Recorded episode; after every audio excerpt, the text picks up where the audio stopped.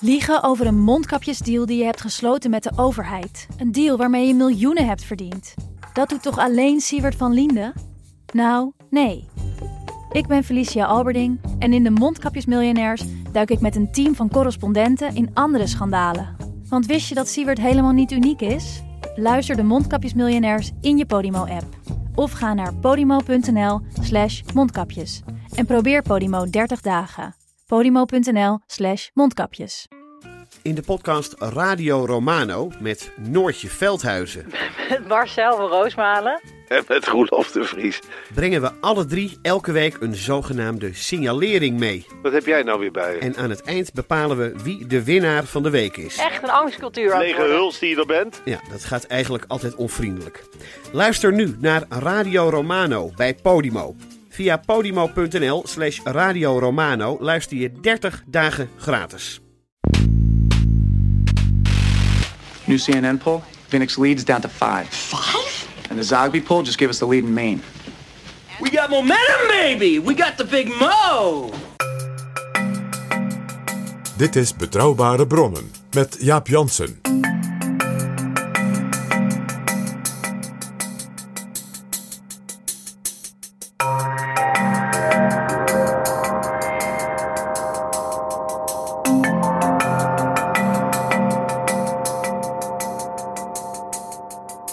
Hallo, welkom in Betrouwbare Bronnen, aflevering 168. En welkom ook PG. Dag Jaap. PG, we gaan het deze keer hebben over het geheim van een goede verkiezingscampagne. Maar voordat we beginnen wil ik eerst de nieuwe vrienden van de show bedanken. Dat zijn de mensen die de afgelopen dagen een donatie hebben gedaan om Betrouwbare Bronnen mede mogelijk te maken. Welkom nieuwe vrienden Mark, Kerst, Rocco, Thijs, Michiel, Bas Heerlijk, al die nieuwe vrienden van de show. En ook nog Simon, Sjors, Christian, Joek, Mariette en Wolter. Merci. Wat leuk dat er zoveel van onze luisteraars zijn die zoveel waardering hebben voor wat wij doen. Ja, welkom allemaal. Dank voor jullie donatie. En eh, als ook jij ons zou willen steunen, ga naar vriendvandeshow.nl slash bb. En we zijn je buitengewoon dankbaar. PG, we gaan het vandaag hebben over het geheim van een goede verkiezingscampagne. Waaraan herken je een partij die haar verkiezingscampagne echt voor elkaar heeft? Wanneer lukt het een partij raak te schieten, de kiezers te boeien, te pakken en te overtuigen? Hoe komt dat? Wat zorgt daarvoor? En waar zie je het, zeker achteraf, al direct fout gaan? En soms wel terwijl het moment komt dat je denkt, oh, oh, oh. En dat bijvoorbeeld ook zo'n campagneteam Jaap, van zo'n partij of van zo'n lijsttrekker ja, zich naar het hoofd grijpt. En denkt, dit hadden we nooit moeten doen. En PG, we onderscheiden dit in zeven voorbeelden. Kun je heel kort de zeven even noemen voordat we ze diepgravend gaan bespreken? De zeven geheimen van een goede campagne. Geheim 1. Programma, profiel en persoon moeten één geheel zijn. Geheim 2. Snap je kiezers. Snap wie ze zijn. 3. Kaap de big mo. De big momentum. Ja. 4. Heb in die campagne nou net dat ene haakje. Dat dingetje waar je als het ware een soort idee aan ophangt. Ah ja. Dat ene ding wat mensen denken, ah. Geheim nummer 5. De nul houden, Geen fouten maken. bijvoorbeeld. Geheim 6. Een diep geheim, Jaap. Heb geluk. En de zevende. Het zevende geheim gaat niet over de verkiezingscampagne, hoewel het het geheim van de campagne is. Dat is namelijk, wees klaar voor D-Day plus one. Je kunt wel winnen, maar dan moet je het daarna ook nog verzilveren. Jaap Jansen en Pieter Gerrit Kroeger duiken in de politieke geschiedenis.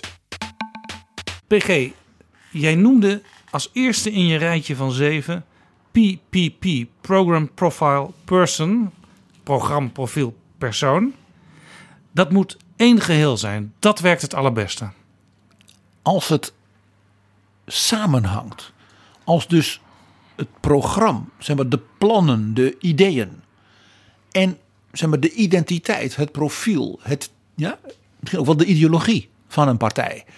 En de vrouw of de man die die partij als zeg maar, aanvoerder, lijsttrekker, presidentskandidaat, ja, kansler in andere landen naar voren schuift. Als de burger, de kiezer, daarnaar kijkt, zich daarin verdiept en denkt van, ja, dat klopt. Ik zie als het ware één geheel. Dan heb je iets, iets wat de, de kiezer pakt. Mag ik daar meteen even iets heel actueels bij zeggen? Bij de Partij van de Arbeid is natuurlijk Lodewijk Asscher als lijsttrekker vervangen door Lilian Ploemen. En bij de Partij van de Arbeid was Lodewijk Asscher al een tijdje bezig. Ook met de publicatie van een boek waarin ook allerlei persoonlijke wederwaardigheden staan. Om zichzelf op te bouwen, hè, in, de, in de markt te zetten, zou je kunnen zeggen. Ook als oud vicepremier, een man die dus premier kon worden. En in de Partij van de Arbeid campagne onder Lodewijk Asscher nog was het centrale woord zekerheid. Mensen willen zekerheid hebben. De Partij van de Arbeid kan die zekerheid beloven. En dat was ook gekoppeld aan zijn eigen familiegeschiedenis, Joodse familiegeschiedenis. Nou ja, wat zekerheid betekent, dat, dat hoeven we nu niet uit te leggen. Jaap, jij hebt een heel indringend gesprek met Asscher gehad in onze podcast over zijn boek. Over die, ja, zijn ideeën en zijn weerdegang. En het interessante is, nu Lilian Ploemen het lijsttrekkerschap heeft overgenomen, is dat woord zekerheid eigenlijk uit haar teksten en haar interviews verdwenen. Want zij heeft namelijk een andere persoonlijke geschiedenis en dat is een emancipatiegeschiedenis. De dochter van de melkboer uit Limburg, et cetera, et cetera. En in feite is het verhaal van de Partij van de Arbeid daarmee, het past nog steeds bij die partij, maar het is wel een ander verhaal geworden. Nou, hier zie je dus dat de coherentie van die drie P's, door de vervanging van de laatste van die drie P's, dus ineens uh, gaat kantelen. Maar denk ook eens aan het CDA, waar Hugo de Jonge, de man van Rotterdam, de grootstedelijke wethouder, met een, voor het CDA spannend profiel, iemand uit een wereldstad, een echte wereldstad, uh, vervangen is door Wopke Hoekstra. Bussum ik zeg niks onaardigs over ja. bussen, maar het is geen wereldstad. Nou ja, hij werkte een deel van zijn eh, werkzame leven in Amsterdam. En in de hele wereld. En in Berlijn, in de Singapore. Maar je voelt, dat is toch weer net even anders. Hij was geen wethouder. Ja. Van de zorg en het onderwijs in zo'n stad, in Singapore. Nou, dus je ziet hoe die coherentie ja, van programma, profiel en persoon. Dus bij elk van die drie ook kwetsbaar kan zijn als die coherentie onder druk staat. Kijk, Jaap, die coherentie is belangrijk omdat je als partij wil uitstralen dat je de kiezer serieus neemt. Dus dat je zegt ons programma, wie wij zijn als partij vanuit ons verleden, vanuit onze ideologie en die vrouw of die man die onze nummer één is, daarvan kunt u als kiezer zeggen dat snap ik. Ze hebben niet iemand genomen waarvan je denkt, ja, waarom is die daar nou lijsttrekker of zo van die partij? Ja, want die doet het zo leuk op de tv of dat is een BN'er. Dan word je dus niet serieus genomen. Je moet de belichaming vormen van het gedachtegoed. En van de plannen en van de toekomstideeën en van wat je dus de kiezer aanbiedt. Ik neem u serieus als kiezer, eh, ook omdat je daarmee respect betoont aan de kiezer door een serieus pakket te hebben. Ik zeg altijd, de politieke partij is geen loterij, is geen fanclub uh, stemrecht is geen Twitterpoll en ook geen televoting 12 points pour Madame Ploumen. PG, kun je dit nog wat verder uitdiepen? Als dat samenvalt, hè? programma, profiel, persoon. Hoe pakt dat dan vervolgens uit? Hoe werkt dat? Nou, campagnes die je daaraan herkent, aan wat ik noem die coherentie, hè, die samenhang van die drie P's. Daarvan zie je dat, ze, dat dat ook merkbaar is in hun uitingen, in de manier waarop ze de campagne organiseren. Zelfs aan de sfeer bijvoorbeeld rondom zo'n lijsttrekker. Als je het gevoel hebt, die lijsttrekker, daar staan allemaal bobo's omheen en die staan allemaal wat afstandelijk eromheen, dan denk je, dat voelt niet lekker. Om dat even zo te gaan. Of als het al te gelikt, weet je leuke, nou ja, door het reclamebureau uitgezochte jongeren in hesjes, dan denk je, ugh, ik zeg het maar een beetje onaardig, maar ik heb voorbeelden daarvan in mijn hoofd nu. Eh, maar als je denkt, ja, je ziet hoe die figuur met zijn partij, met zijn team, dat is een soort, soort uh, organisch geheel. Ja. De ideeën, de mensen en de plannen. Ja, en het, kijk, wij kijken vanuit Nederland natuurlijk vaak naar uh, buitenlandse voorbeelden uit Amerika en zo. Maar het is natuurlijk het mooiste als dat niet merkbaar is. Dat, dat, je, dat je niet naar dat voorbeeld, aan dat voorbeeld gaat denken, maar dat je gewoon die Nederlandse lijsttrekker ziet. Precies. Een Nederlandse lijsttrekker die een al te opzichtige war room heeft van allemaal slimme jonge mensen die zichzelf laten filmen, dan denk je. Eh. Wouter Bos die heeft dat ooit laten doen voor een televisiedocumentaire. Dus wat ik noem een organisch geheel. En dat is dus ook iets past bij de organiek van de Nederlandse politiek. dus wat in de Nederlandse politiek ook bijvoorbeeld niet werkt, is een lijsttrekker zeg maar, in, in de arena laten bejubelen door 50.000 uh, partijleden. Een beetje wat Rita Verdonk deed toen zij haar eigen partij oprichtte. En uh, op de plek waar in Amsterdam de cruiseschepen aankomen, de cruise terminal, inderdaad zich liet toejuichen. Als een soort koningin. En inderdaad, het schip vertrokken is ook nooit meer aangekomen. Nee. En eh, dat was een soort uitvergroting van wat ze daarvoor al had gedaan bij de cafékoep binnen de VVD. Waar ze ook als een soort koningin Wilhelmina op het trappetje van een café stond en de macht opeiste. Plein 19 is nu een uitstekend visrestaurant. Nee, wat je dus ziet in dit het soort campagne waar je die, dat, dat organieke bij me herkent. Dan zie je dus ook dat als het heel goed op elkaar past, dat dan als zo'n lijsttrekker optreedt, zelfs in een filmpje of in het land of een toespraak of als de, post, de posters, dat je dan denkt van het heeft wat. Wat de Duitsers noemen das gewisse extra. dat, dat, dat, het, het zingt die campagne. Ja. Ik zag jou trouwens met uh, vingerknippen. Dat doet Wopke Hoekstra ook in zijn filmpjes. Het is per ongeluk, want ik ben daar helemaal niet goed in. Ik kan dat namelijk helemaal niet zo goed. Wopke kan alles beter dan ik, dat blijkt hieruit. Ik, ik ga iets, een heel gek voorbeeld uit Hollywood noemen. Van de jaren 30. In Hollywood heb je een tijd lang in de jaren 30 een eindeloze successerie van films gehad, dansfilms. Met Fred Astaire en Ginger Rogers. Singing in the Rain, Top Hat, Vul maar in.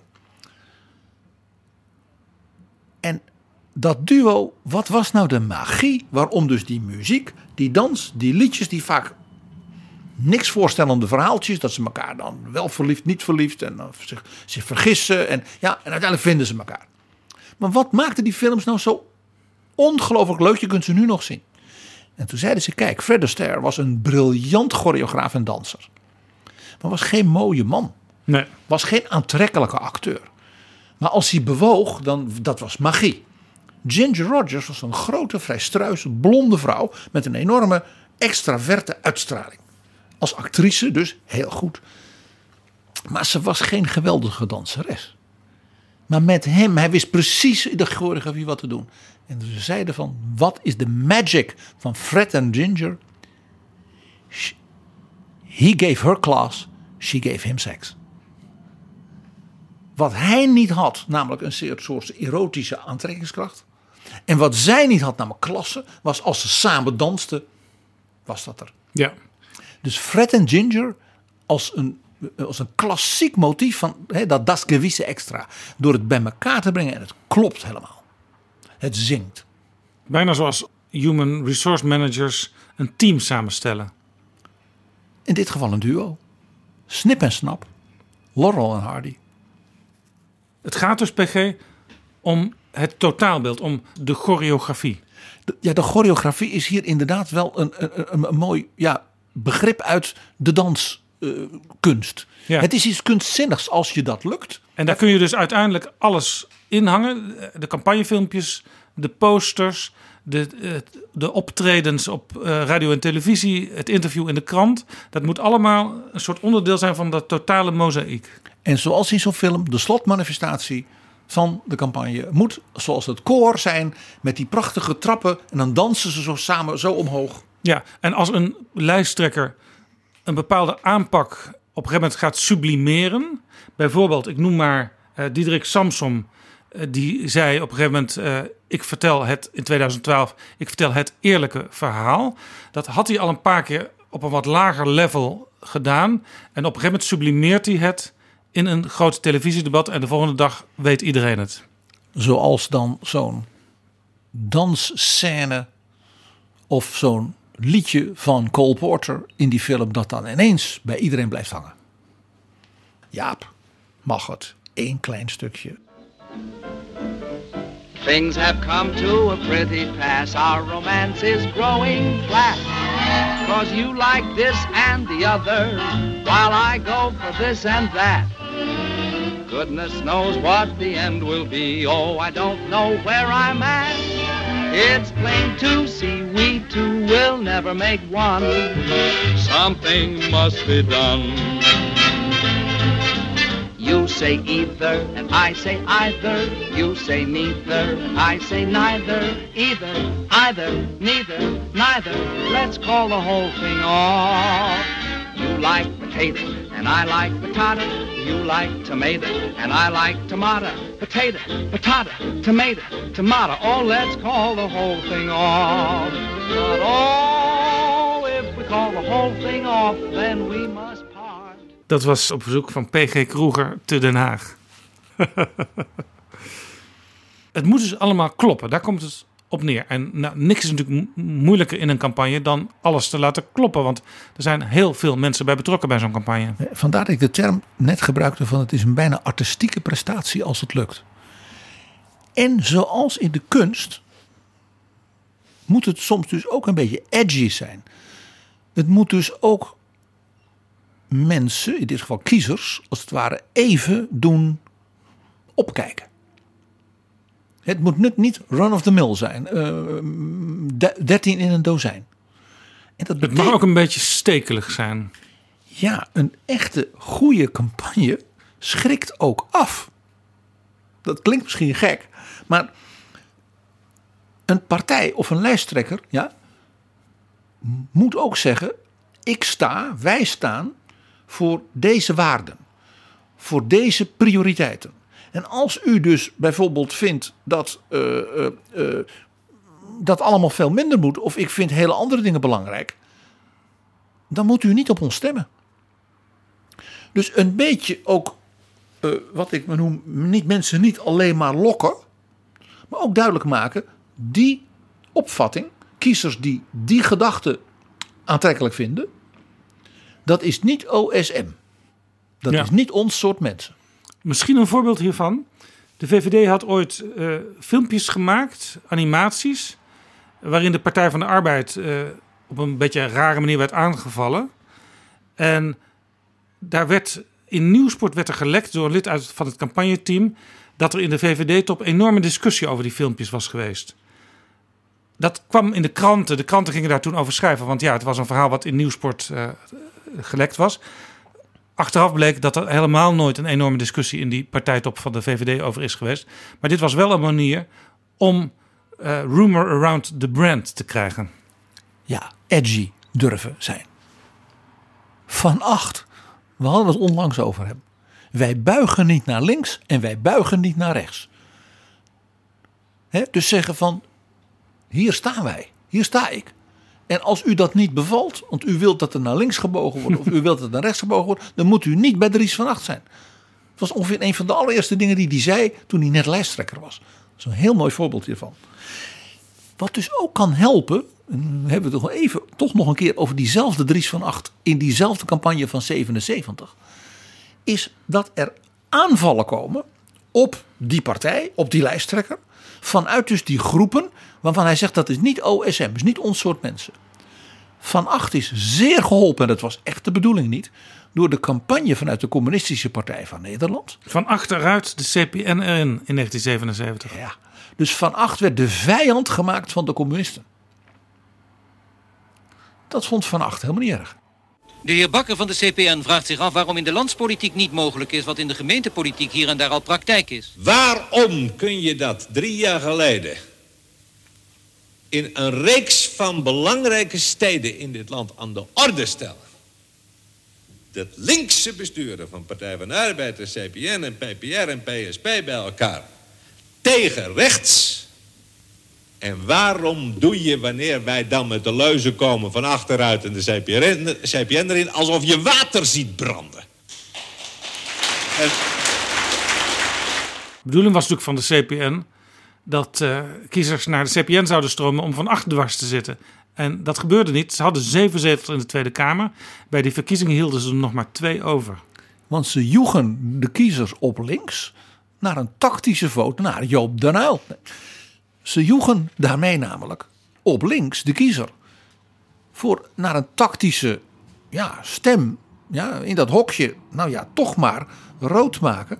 Dat balletje achter de naam. Ja. Doctorant is J.M. den Uil in Buitenveldert. Want je had twee partijen die in de peilingen en ook in de Tweede Kamer er bovenuit staken. Dat waren natuurlijk aan de linkerkant Partij van de Arbeid en aan de meer rechterkant het CDA. En dat is ook de reden dat je in elke verkiezingscampagne ziet.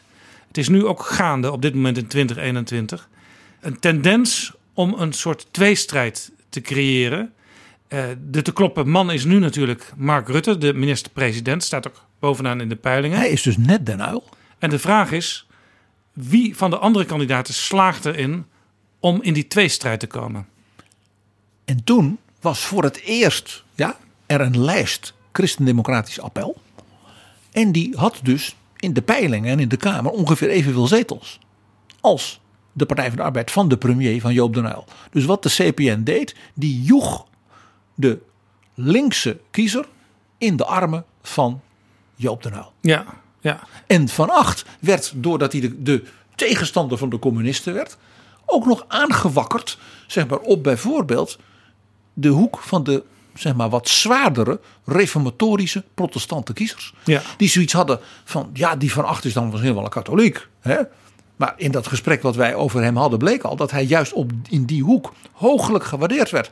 Wat de CPN dus niet door had, dat ze als het ware nog meer zeg maar revo-kiezers als het ware aanleiding gaven hun stem aan Van Acht te geven. Wat je hier dus ook ziet Jaap, is dat een partij, zeker een partij bijvoorbeeld met een breed appeal op de kiezers. Wat ze noemen een catch-all party. Een partij die dus niet zegt ik ben er alleen voor de arbeiders of ik ben er alleen voor de Friesen of zo of de hogere inkomens of de katholieken. Ja? Ja. Maar een partij die dus een breed appeal in de brede samenleving Ja, wil. een beetje zoals de, het CDA zeg maar is opgericht. En daarvoor de Katholieke Volkspartij.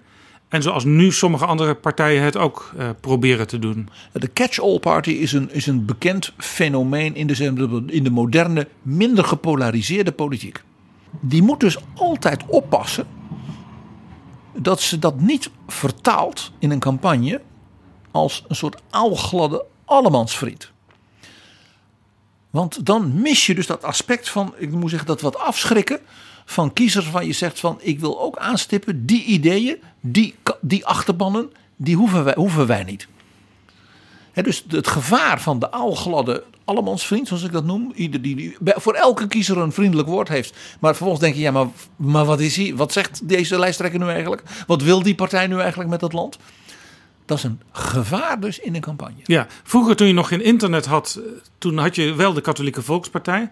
En die had op een gegeven moment eh, twee, ja misschien nog wel meer, maar in ieder geval twee foldertjes in de campagnetas.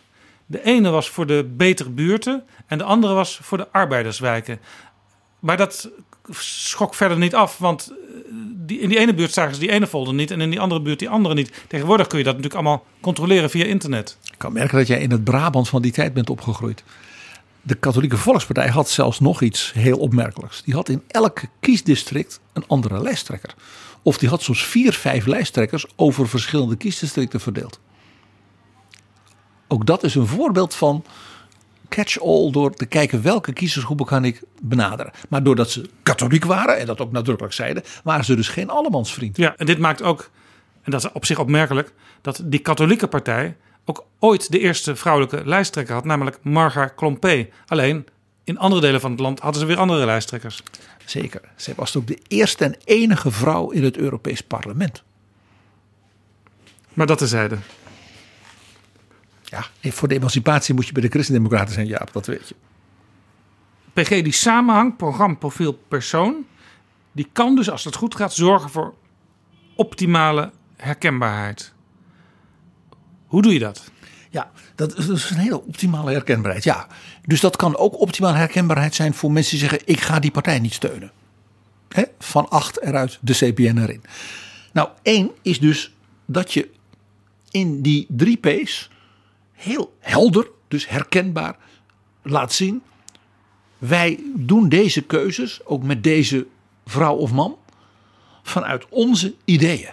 De essentie van onze partij is deze. Voor als u dat nog niet wist, dan ontstrepen we dat nog even. zelfs de ideologie van onze partij, hè, van, soms uit het verleden, de filosofie waar je uit voortkomt.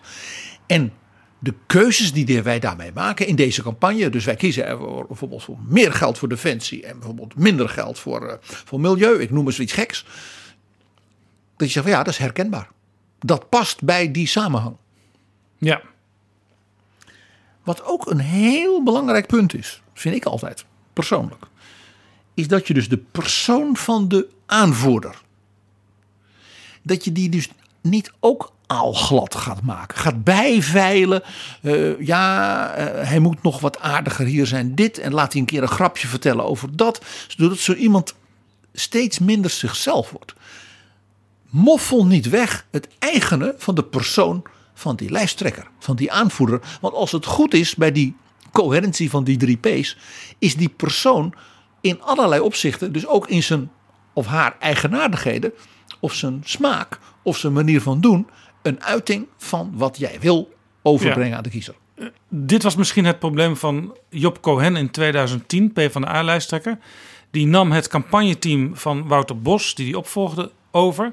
En dat campagneteam prepte hem de hele dag alsof het Wouter Bos was, waardoor hij onzeker werd. En dat zag de kijker thuis ook. En Job Cohen is een man van grote kwaliteiten, maar hij is niet Wouter Bos. Dus dat is tragisch. Hier zag je dus dat Wouter Tapes uh, hippe jonge team van Bos dus voor de tweede keer de mist in gaan. Zeg ik even heel onaardig. Wat ook heel belangrijk is hierbij, is de beelden, de taal, de codes, zal ik maar zeggen, die je in je campagne vanuit dus het wezen van je partij, hè, je essentie, die ideologie, je waarden waar je voor staat, dat je die dus naar voren laat komen. Dus de manier waarop je je uit, de taal die je gebruikt, de beelden, letterlijk de beelden die je gebruikt. de beroemde poster van de PSP met die koe en die naakte vrouw.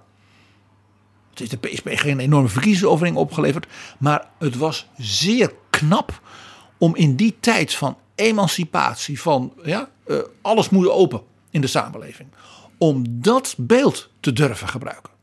Ja, PG, het klinkt allemaal tamelijk ideaal zoals jij het nu vertelt. Maar iedereen bemoeit zich met zo'n campagne binnen zo'n partij. Maar er worden ook reclamemakers ingehuurd.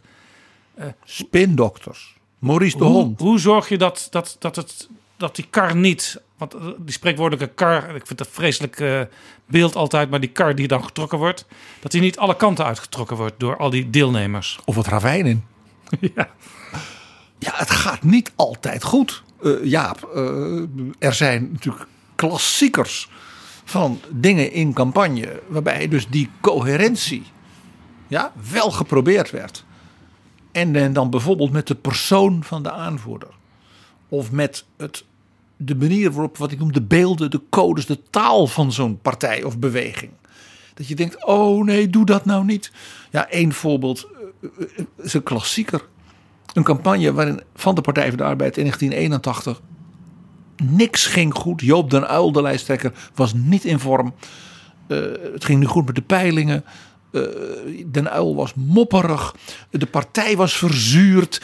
Die van acht had, ja, vier jaar lang was hij overeind gebleven. Uh, alles, dat tweede kabinet den Uyl, dat komt er toch. Nou, het kwam er niet. De frustratie, ja, spatten er vanaf. En toen dachten ze, we moeten onze Joop den Uyl als premier geweest, man van het volk gewaardeerd, ook op een leuke manier laten zien. En toen kwam de Tros, in sommige opzichten de grootste arbeidersomroep van Nederland, op het, uh, dachten ze, briljante idee om in de uitzending van Oud en Nieuw, die ook heette Dag 80, Hallo 81, met veel uh, muziek en jolijt, twee uur duurde die, Joop den Uyl uit te nodigen. Die dus kort daarna voor de zoveelste keer lijsttrekker zou zijn bij de Tweede Kamerverkiezingen tegenover Dries van Acht. Hij kreeg een fluitketel op zijn hoofd. Er gebeurde van Maar die alles. show was toch de André van Duin show? Ja, André Och, van de Duin arme man. presenteerde het. Laten we even gaan luisteren. Dat was een memorabel moment, maar niet, niet achteraf gezien voor de Partij van de Arbeid campagne. Gauw hier gaan zitten. Hallo, kan ik even gauw in beeld? Ja. Zo, dat was even gezellig hè, met het koor. Maar ik heb nou iemand bij me. Dat is toch veel gezelliger. Ik zie hem ineens lopen. Ik zeg, wat doe je hier? Oudjaarsavond. Hartstikke leuk, meneer de Uil. Nou, vrije avond zo. In vrije avond, ja. Ze doen niks nou natuurlijk, hè? Nee, Nee. nee. Is dat Af- veel? Nou ja. Niks kwaads, hè. Niks kwaads kan hoef ik kwaad ook niks te doen. hè. Nee, zo is het ook. Ze hebben u nou ook veel last van die andere ome, Joop? Die, Welke? We hebben een nooit weet hè? Wordt het vaak geroepen onderweg tegen u? Jawel. Ja? Ja, vind ik leuk. En dat Ja. doet u ook? Nou, Drinkt u ook veel neuten? Nee. Nee? Nee. Nu ook niet? Nou...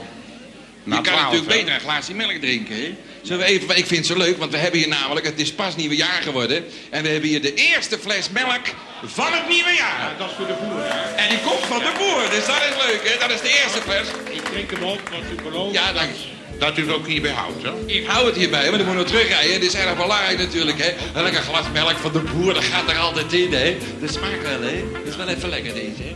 Je, je, je hoort hem bijna knagen, Joop ten Uil, van ongemak.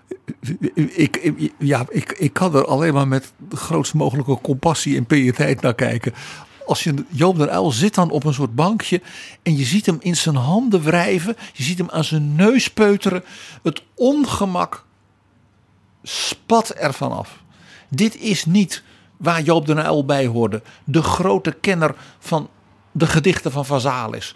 De, ja, de als student al verzamelaar van de vroegste bundels van Frans Kafka. Die Bertolt Brecht uit zijn hoofd kan reciteren. In de Tweede Kamer. Ja. Joop den Uyl de literator. Joop den Uyl ook een beetje de dominee. Ja, de gereformeerde prediker. Daar zit hij daar bij André van Duin. Ja. En dan moet hij leuk doen. In zo'n hoempapa-omgeving. Maar waarom wil u nou eigenlijk zo graag minister-president worden? Ik zou niet willen worden, want je hebt toch helemaal geen vrije tijd meer en zo. Je, je bent toch constant bezig? Wow, maakt weinig verschil met u, hoor. Is dat zo? Ja, als je zo in die politiek als vak, dan heb je niet zoveel vrije tijd. En eh, in zekere zin, als je dan minister-president bent of minister, dat maakt niet zoveel verschil. Maakt geen enkel verschil. Oh, maakt geen enkel Wel- verschil. Wel een beetje verschil in, eh, laat ik zeggen, eh, weet je wel, verantwoordelijkheid heet dat geloof ik. Dat, is, dat drukt wel een beetje op. Oh ja? Jawel, jawel. Heb, heb je nooit last van? Nee, ik niet. Ik Ah, weet niet wat- eens. wat- wat- wat- Ik weet niet eens waar het over gaat. Nee, ik niet. Nee, het maakt niet uit. Ja, nee, nee, nee. Zeg, moet eens eventjes heen en weer lopen of het wat Tuurlijk, gaat, hè. sowieso heen en weer lopen. Het is televisie, je moet bewegen. Hè. Zij moet eens luisteren. Ik vind het zo gezellig dat u geweest bent. Ik moet afscheid van u nemen, want ja, we kunnen niet blijven babbelen. We hebben een heleboel artiesten nog. Den Uil op weg naar de volgende verkiezingen. En dat was het eind van het jaar 1980. En de opening van het jaar 1981. Waar hij met zoveel kreunen en zuchten al naar uitkeek. Gelet op die verkiezingen en het gedoe in zijn partij. En het zal allemaal niks worden. In die tijd, PG, dat Den Uil bij André van Duin zat... was ook ongeveer de tijd dat Wiegel afscheid ging nemen van de VVD als, als nationaal leider. Ja, En hij ja, werd- een jaar of twee daarna was dat. Ja, Ja. Hij werd opgevolgd door Ed Nijpels. Ook wel Ed Raket genoemd. Ja, want het was de tijd van de kruisraketten. En dat, dat werkte best wel. Dat Ed Raket dat maakte hem wel populair bij jongeren. Er werd in die tijd ook gesproken over het Veronica-liberalisme. Het was he- heel erg een campagne die de VVD voerde van gewoon jezelf kunnen zijn. Dat klonk zelfs door in de zendtijd voor politieke partijen. Dan werd er in tien minuten tijd eh één of twee of drie VVD'ers, Kamerleden werden geïnterviewd over nou ja, gewoon Het MKB-beleid. het saaie werk waar ze mee bezig waren. En af en toe klonk er een jingeltje. Gewoon jezelf kunnen zijn. VVD. VVD. En, en het, dat leek dus leuk. Hè, maar ik zei, dit zit onder de rubriek eh, te veel geluisterde reclamemakers en spindokters. Want onder de meer klassieke, eh, zeg maar nette buurten VVD, eh, werkte dit volkomen averechts. Eh, en eh, daar heeft met name het CDA in de jaren daarna, toen Ruud Lubbers premier was en aanvoerder van die partij, erg veel plezier van gehad. Ja. Want dat werd als serieus, gedegen, maar wel een man uit het bedrijfsleven, een Rotterdamse ondernemer, die wist van aanpakken. Ja. En die Nijpels, wat was die nou eigenlijk? Ja, Veronica. Ja. ja, je had het Veronica-liberalisme bij de VVD. En natuurlijk ook het Avro-liberalisme. Dat is meer dat ge- gedegene. En ook een beetje met oog voor cultuur en zo. En eh, het- komische was, eh, bij D66 had je ook zo'n soort scheiding. Toen ze onder Van Mierlo ineens eh, 24 zetels haalden. Veel D66'ers zijn VPRO, dus het, zeg maar het VPRO-liberalisme. Maar toen ze groot werden, bleek in de achterban ook ineens een flink aantal eh, Veronica-lidmaatschappen op te duiken. Dus toen kwam dat Veronica-liberalisme via de achterdeur ook bij D66 naar binnen.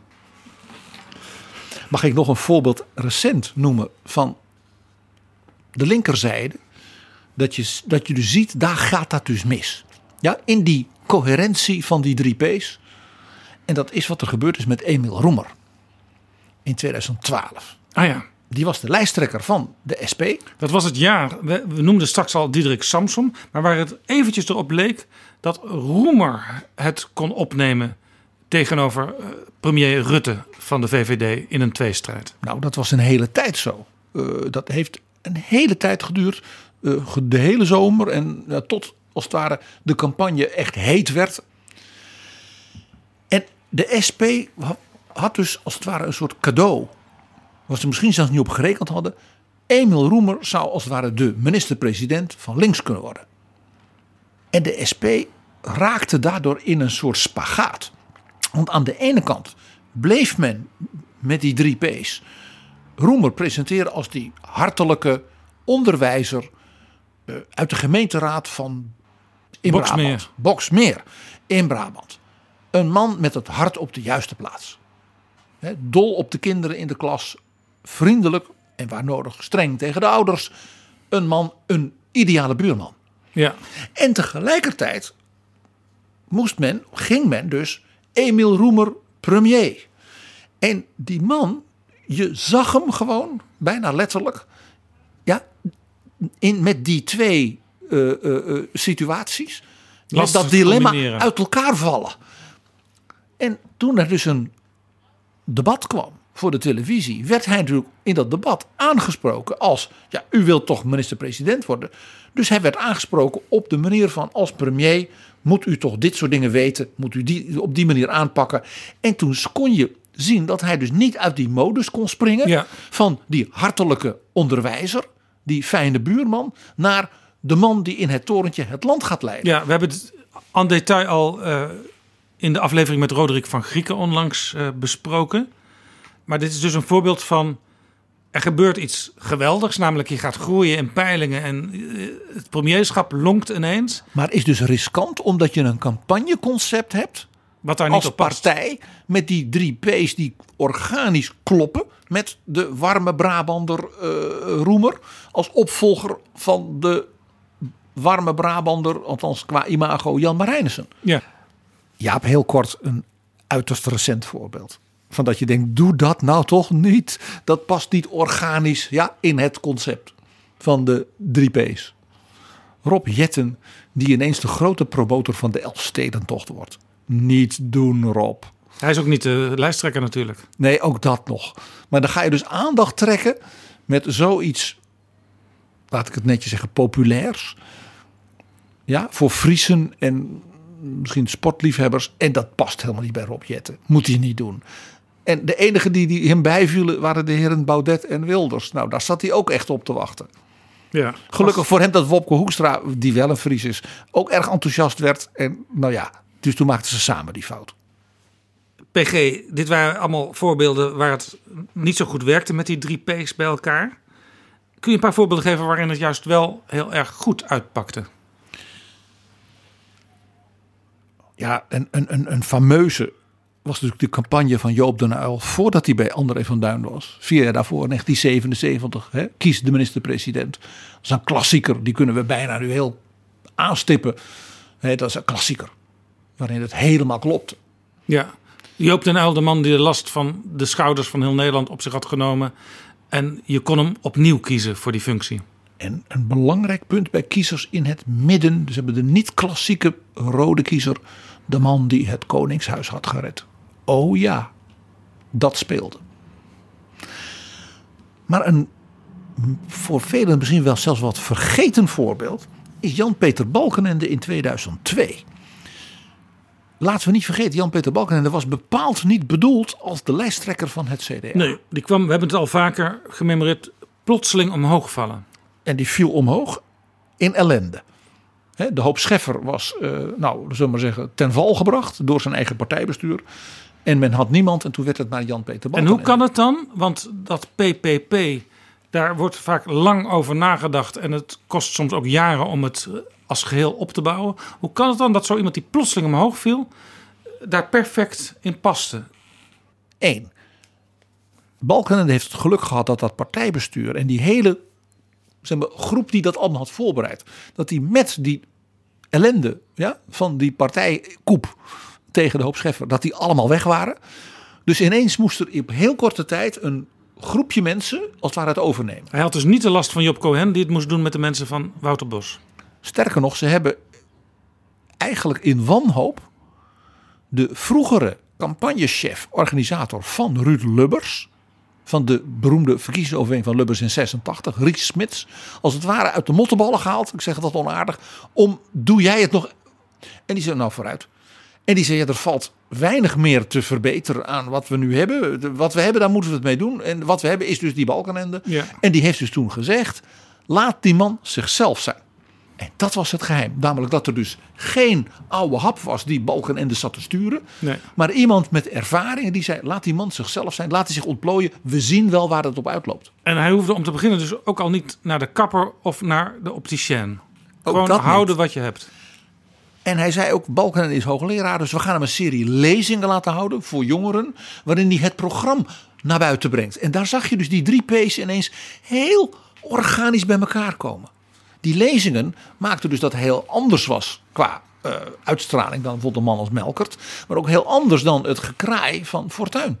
Het was een serieuze, professorale, gedegen man, maar hij had ook een beetje een soort studentikeuze humor. En dat werd toen ineens door iets wat Balkenende zelf deed. En dat was eigenlijk in zijn onervarenheid. Hij vertelde dat een vriend van hem een foto van Balkenende hè, als nieuwe aanvoerder van het CDA had laten zien aan zijn zoontje. En dat zoontje had gezegd, kijk, het is net Harry Potter. Oh ja.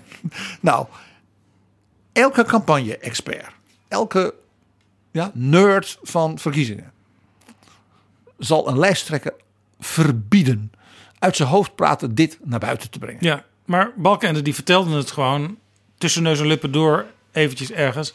En ja, voor altijd stond dat in ieders geheugen gegrift. En we, we zagen het ook. Het klopte. De journalisten smulden natuurlijk toen hij dat riep. Grijnzend. Onbedorven. Ja? Bijna onervaren en ook een beetje onbedorven. Ja. Toen ehm, eh, ik ineens wat bekender werd, toen kwam ineens Harry Potter, ook met al die foto's. En toen zei iedereen van, hé, hey, die lijken wel op elkaar. Toen hebben heel mensen veel om gelachen, dat vond ik wel leuk. Johan Cruijff, de bekende voetballer, heeft veel gezegd... elk nadeel heeft zijn voordeel. Nou, dat merk je een beetje. Maar dat beeld van Harry Potter als beeld uit de cultuur van die jaren was natuurlijk heel sterk. Want wie is Harry Potter? Dat is een jongen, een scholier met onvermoede krachten. Die hij in zichzelf moet ontdekken. En die gaat ja, in een hele rare omgeving terechtkomen. Waar hij opgeleid wordt. En hij maakt daar vrienden. En die ontdekken dat Harry eerlijk is. Trouw. En een goede jongen. En het goede wil. En al zijn magische krachten niet voor kwaaie dingen wil gebruiken. Maar er iets moois van probeert te maken. En hij maakt natuurlijk fouten. En er gebeurt allemaal van alles. En er zijn allemaal slechterikken om hem heen. Maar Harry deugt. Harry heeft iets onbedorvens. Iets onervarens. Iets, iemand die het leert. Het was dus Balkenende ten voeten uit. We hadden het net over Emiel Roemer, waar het niet zo goed klopte. Uh, je had het over de magier Balkenende. Laten we, ja. laten we toch misschien dan ook nog even kijken uh, naar de tovenaar uit Os in 2006. Jan Marijnissen, die 25 kamerzetels haalde. Dat was een echt prachtvoorbeeld van dus die coherentie van die drie P's. Want Marijnissen die bracht zichzelf als een alternatief voor Wouter Bos, de jonge, dynamische, ambitieuze PvdA-leider uit Amsterdam. Hij was die goedmoedige Brabander die eigenlijk helemaal niet zo progressief was op allerlei terreinen. Gewone man uit Os. Uh, hield van het goede Brabantse En hij begreep, als mensen wat cultureel conservatiever in het leven stonden, dan begreep hij dat. En uh, dat had hij zelf ook een beetje. En hij was ook niet zo voor Europa. Ze hadden ook met dat referendum niet meegedaan, pro-Europa. Hij had zelfs met zijn vriend uh, natuurlijk niet persoonlijke vriend, politieke vriend, maar met Maxime Verhagen van het CDA. Samen dat idee van, moeten we niet een soort geschiedenismuseum van Nederland krijgen, dat we weten wie we zijn.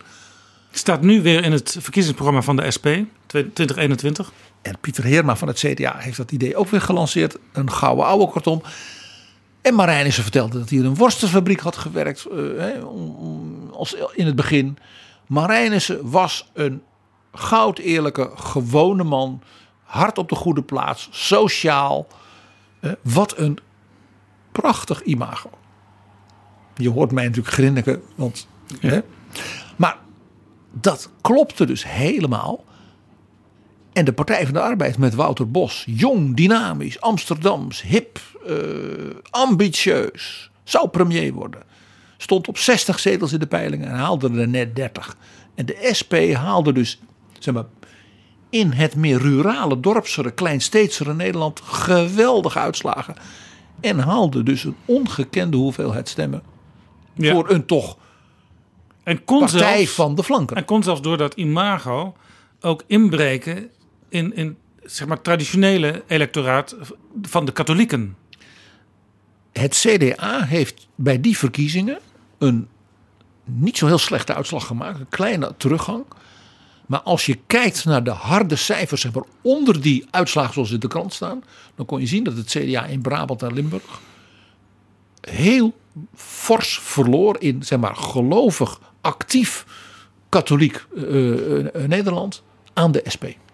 Jongens en meisjes, dames en heren, van harte gefeliciteerd.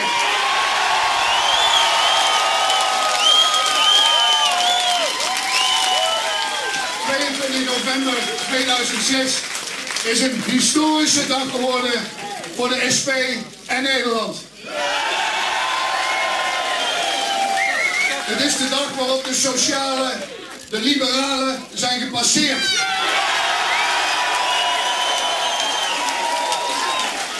Het is de dag waarop we de derde partij van het land zijn geworden. 25 zetels haalde Jan Marijnis in 2006. In 1994 gebeurde er ook zoiets. Het ging toen om 24 zetels voor D66 onder leiding van Hans van Mierlo. En ik had natuurlijk onlangs in Betrouwbare Bronnen Hubert Smeets te gast. Hebben we ruim twee uur over Van Mierlo zitten praten. Wat gebeurde er toen in 1994 toen Van Mierlo het zo goed deed bij de verkiezingen? Kijk, Van Mierlo had ook weer dus die drie P's helemaal op orde. Hij had in de Kamer als het ware vanuit het midden oppositie gevoerd tegen het kabinet Lubbers-Kok. Dus niet schelden, niet roepen u bent asociaal. Te zeggen van eigenlijk is wat u wil wel misschien wel de goede lijn, maar u doet het allemaal zo bureaucratisch of zo zuur bij Kok. Of die, die Lubbers is toch eigenlijk een beetje afgeleefd. Dus Van Mierlo was als het ware een pro-midden oppositie. En dat bracht hij ook in zijn programma. Uh, hij was zelf, uh, zeg maar, zat hij goed in zijn vel. En dat, ja, dat, dat, dat klopte ook doordat natuurlijk in het CDA er gedoe ontstond. Er was in de PvdA groot gedoe geweest over de sociale zekerheid. He, Kok was bijna afgezet als partijleider. Ben je ook crisis? Nou, dus, en daar in datzelfde midden, waar dus die twee grote partijen met, met zichzelf vooral overhoop lagen, was er een andere partij die zei: zullen we nou eens gewoon aan de slag gaan? En op een fatsoenlijke manier vanuit het midden, maar wel aanpakken. Ja. Dat deed dus heel veel kiezers heel goed. Ja, er was wel één dingetje. In de Partij van de Arbeid waren ze bevreesd. Wim Kok was daar de kandidaat. Dat D66 met Van Mierlo ook voor het premierschap zou gaan in de campagne. Want het ging zo goed eh, in, in de peilingen. En gewoon ook, dat merkten ze in het land, ook bij de Partij van de Arbeid. Eh, met die aantrekkingskracht van D66. Dat Van Mierlo daarmee wel eens nog beter zou kunnen gaan scoren. Maar dat durfde Van Mierlo toch niet aan, vertelde Hubert Smeets onlangs. En dat is dus politiek een blunder geweest. Als Van Mierlo had gezegd, nou we hebben nu uh, wel heel veel jaren uh, die Lubbers gehad. Die zit vooral ruzie te maken met die Brinkman en met uh, zijn eigen partij. Dus nou, hm. En die Kok, ja, die is in zijn eigen partij rondom notabene zoiets als de WHO, de sociale zekerheid, de armen, ja, de, de zwaar onder vuur gekomen. Die PvdA is onderling ook niet helemaal op één lijn. Maak mij maar premier. Als hij dat gedurfd had, dan had hij misschien wel veel beter nog gescoord. Dus politiek was dat binnen die coherentie van die drie P's, bij die laatste P van de persoon, eigenlijk een blunder. Ja. Mag ik nog één eh, voorbeeld aan je voorleggen waar het volgens mij ook heel goed ging met die drie P's? Hè? Programma, profiel, persoon vielen samen. De campagne en ook de uitslag van minister-president Ruud Lubbers in 1986, toen het affiche luidde: Laat Lubbers zijn karwei afmaken. Ja, die campagne liep zo goed. En overigens, die werd herhaald nog een keer in 1989. Verder met Lubbers stond Ja. er toen op het affiche. En, en ook weer 54 zetels, nog nooit geven uit. Sindsdien. Eh, dat ja, een aantal van de dingen in die campagne, zoals het, het poster met laat Lubbers zijn karwei afmaken. Eh, natuurlijk, ja, die behoort tot de classics. Dit is Betrouwbare Bronnen. PG, we hebben het over het geheim van een goede campagne. Nou, je vertelde net, programma, profiel, persoon moeten samenvallen. Jij noemde in de introductie van deze aflevering, snap je kiezer. Dus weet wie je kiezers zijn. Daar wordt natuurlijk enorm veel onderzoek naar gedaan door de partijen. En toch, Jaap, en toch. Wie zijn de kiezers? Wie zijn die mensen die naar die stembus gaan en dan dat rood invullen en dat in die bus doen? En welke kiezers blijven misschien wel thuis en waarvoor kun je je best doen om ze misschien toch nog naar die stembus te krijgen?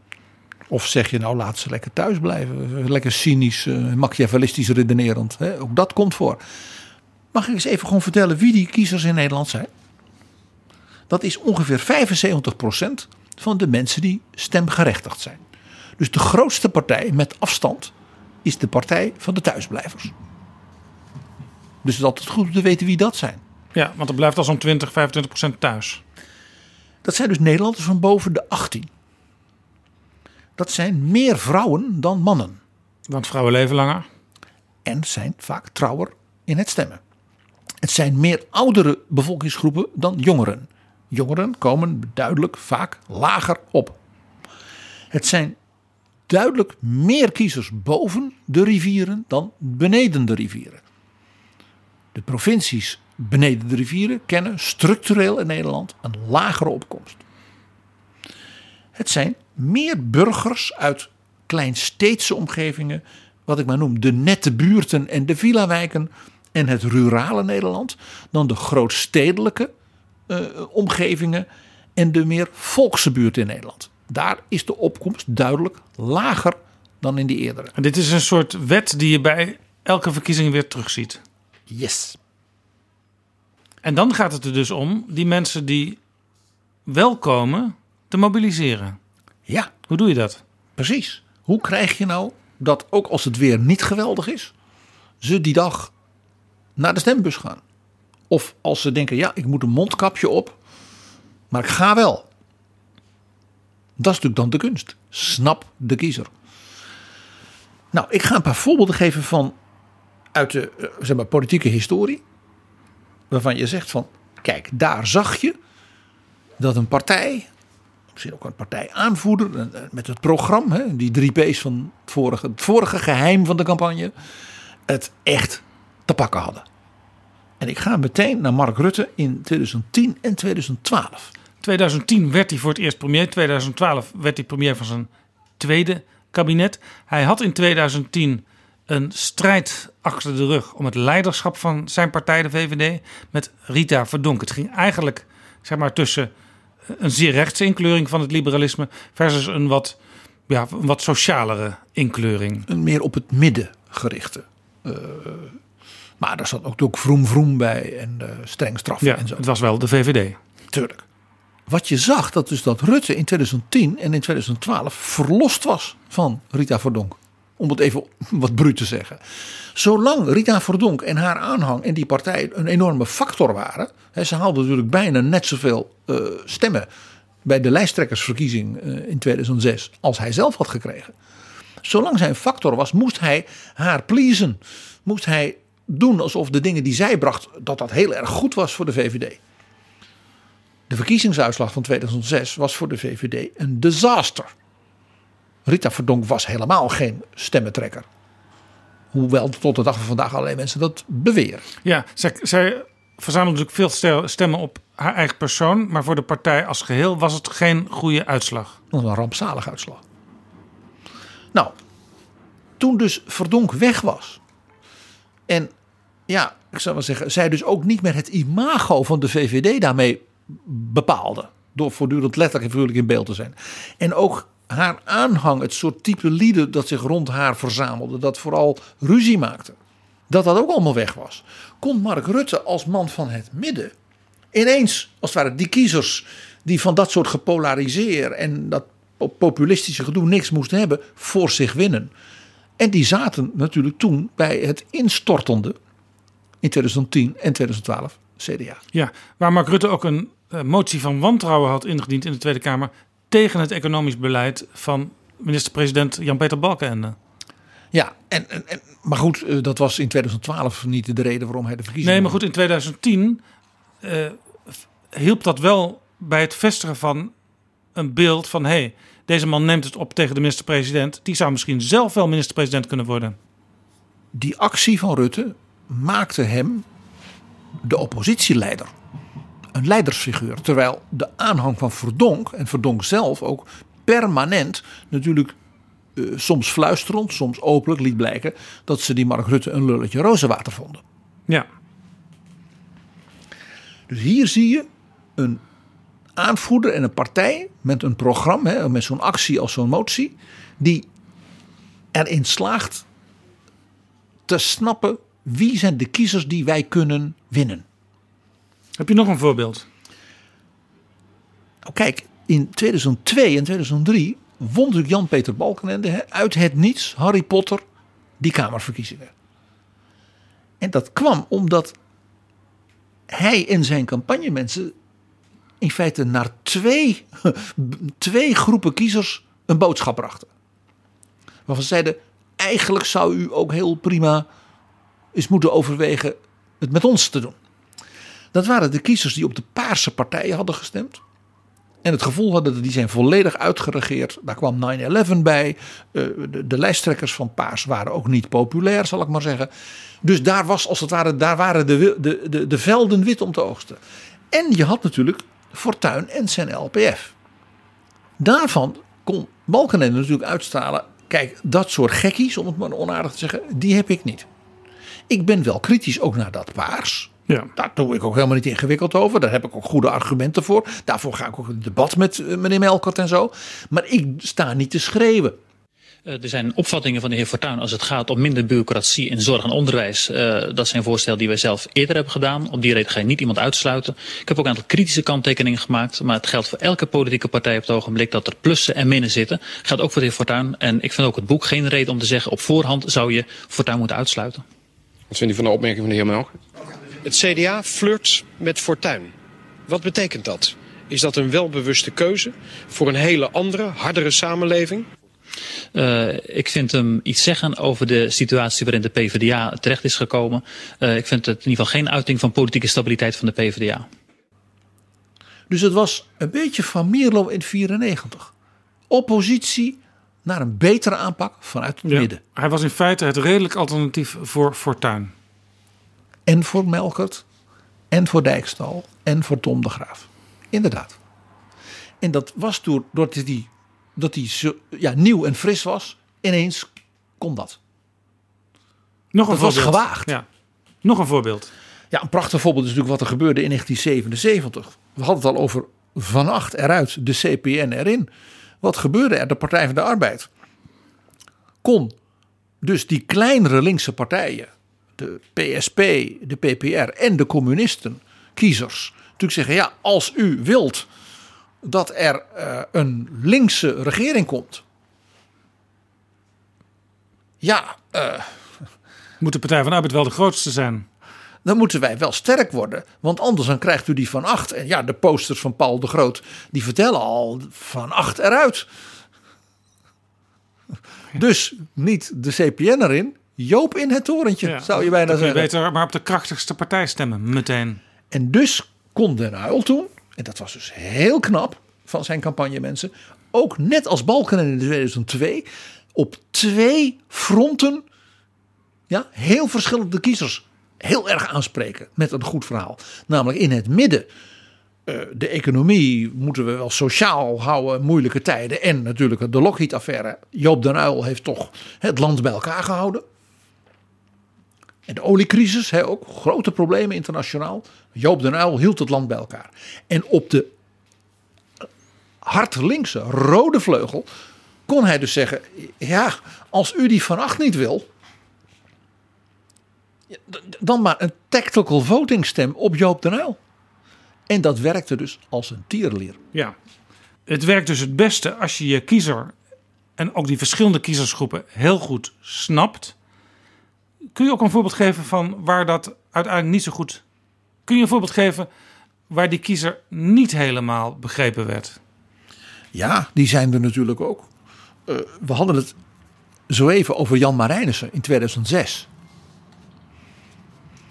De Partij van de Arbeid dacht toen met Wouter Bos, ook door de gemeenteraadsverkiezingen in maart 2006, dat ze wel 55, 60 zetels zouden kunnen halen. Ze zouden Ruud Lubbers in 86 overtreffen. En er werd dus een hele campagne opgetuigd ja, rond de persoon Wouter Bos. Als een soort president in ballingschap tegenover die Balkenende. En Wouter Bos kwam dus met allemaal grote plannen voor de komende jaren. En één daarvan was een ingewikkeld verhaal over hoe je de vergrijzing kon aanpakken. De komende 10, 20, 25 jaar. Ja. En daarin zat de gedachte dat mensen met een pensioen best zelf via wat zwaardere belastingdruk konden meebetalen voor, ik zal maar zeggen, de AOW'ers met hele kleine pensioentjes of zonder pensioen. Ja, en dat was een denkproces. Dus de Partij van de Arbeid onder leiding van Wouter Bos had op verschillende momenten uh, verschillende gedachten over hoe je dat allemaal zou kunnen aanpakken. En vervolgens toen het CDA in de campagne vragen ging stellen aan Wouter Bos, toen had hij niet altijd meteen het antwoord klaar. En toen kwam dat fameuze radiodebat, waar ik het ook met Roderick van Grieken onlangs over had. Waarin Balkenende tegen Bos zei: U draait en u bent niet eerlijk. In mijn boek Tand destijds beschrijf ik bijna per dag hoe dat is gegaan. Want het is begonnen in april op een seminar van de SER over de vergrijzing. Ja, de, en een speech van Wouter Bos. De Netspar-lezing. Ja. En daar zat een jong Kamerlid van het CDA bij. Die erg goed kon rekenen. Ene Pieter Omtzigt. En die dacht, dit klopt niet. Wat hij zegt. Nou, het verhaal met de anekdotes en de, nou ja, zeg maar de, de dirt hè, in de CDA geleden lees je in dat boek. Maar wat Bos dus niet snapte, was doordat hij de indruk wekte dat hij de ouderen wilde laten betalen voor de vergrijzing, zodat de jongeren ja, er niet voor hoefden op te draaien. Hij onder de kiezers die zeiden de PvdA is de partij van Drees. Van Joop den Uil die voor de mensen opkwam. Voor Kok die probeerde nog die uitkeringen een beetje overeind te houden. En die Wouter Bos die dumpt ons als ouderen. Ja, hij kon dus eigenlijk de, de brug niet slaan tussen de verschillende bevolkingsgroepen. En hij kreeg dus enorme kritiek in zijn eigen partij. En zijn partijvoorzitter Van Hulten die ging met hem samen een brief aan de leden schrijven per 1 mei om uit te leggen wat ze hadden bedoeld. Die uitleg bleek dan weer niet te kloppen. Het was ellende op ellende en je zag dus Wouter Bos van die 60 zetels, hè, boven Lubbers, naar net 30 zak. Ja, 33 kreeg hij bij de verkiezingen van 2006. En Marijnissen was de spekkoper.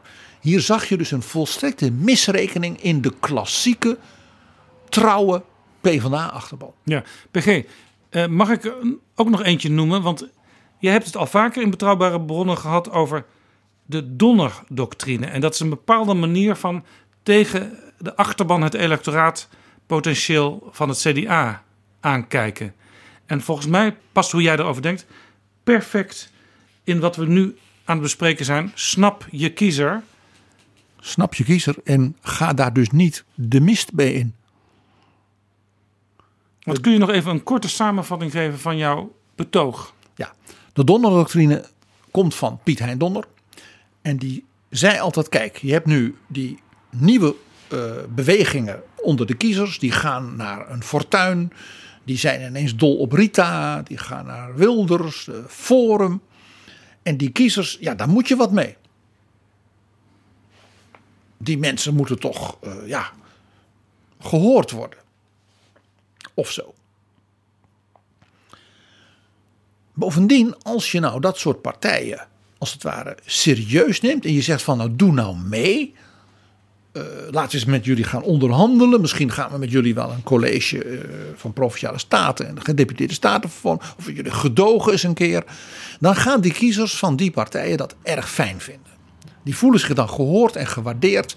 En die gaan dan die partijen als het ware loslaten. Want de gekkies in die partijen, ja, die worden dan gemarginaliseerd. En de meer bestuurlijk ingestelde lieden in die partijen, die gaan dan lekker samen met bijvoorbeeld het CDA regeren. Ja, en dan eigenlijk is de redenering, dan volgt er een thuiskomst, want eigenlijk horen ze bij ons, in dit geval het CDA. Dat laatste wordt met name in het zuiden van het land binnen het CDA gezegd. Die mensen zijn toch eigenlijk van ons. Ja. Nou, alle cijfers, alle analyses die er maar, die er maar gemaakt kunnen zijn. Van de verkiezingsuitslagen van het CDA en dergelijke. Laten zien dat daar niets van klopt. Niettemin blijft men in het CDA. En ook in de campagne die we nu hebben.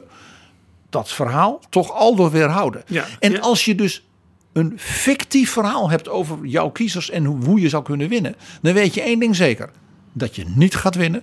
Dat bleek in 2012. En de winst van het CDA in 2017 was veel minder dan men zelf had gedacht. En je ziet het uh, opnieuw ook weer. Men ziet het CDA in Brabant ja, gemene zaak maken met uh, het Forum. In Limburg hebben ze een soort gedoogconstructie met N-Forum en de PVV. Ja, dit heb je ja. uitgebreid verteld in de aflevering van Betrouwbare Bronnen. Naar aanleiding van uh, jouw nieuwe boek over de recente geschiedenis van het CDA. Waarin dus die cijfers en die analyses zeer uitgebreid ook gewoon ja, na ja. te gaan zijn. Maar het speelt nog steeds, hè? want ja, het CDA is nu weer bezig natuurlijk aan een nieuwe campagne voor de Tweede Kamerverkiezingen. Uh, maar in, je noemt het al, in Brabant en Limburg wordt er wel nog steeds samengewerkt met in dit geval Forum voor Democratie. Ja, en ondanks, je zou toch zeggen, de voortdurende waarschuwingen in maatschappelijk en politiek opzicht daarover. En dat dus die lijn van de Don-doctrine niet klopt. Ik bedoel, uh, die groepen daar in het zuiden zijn ook de grote supporters van de Farmers Defence Force, die CDA'ers in die provincie openlijk bedreigen. Zijn de aanhangers van de viruswappies die op straat in Den Haag de nummer twee van de lijst van het CDA, Pieter Omtzigt, bedreigen. En dan hebben we het nog maar niet, even, niet eens over het appverkeer.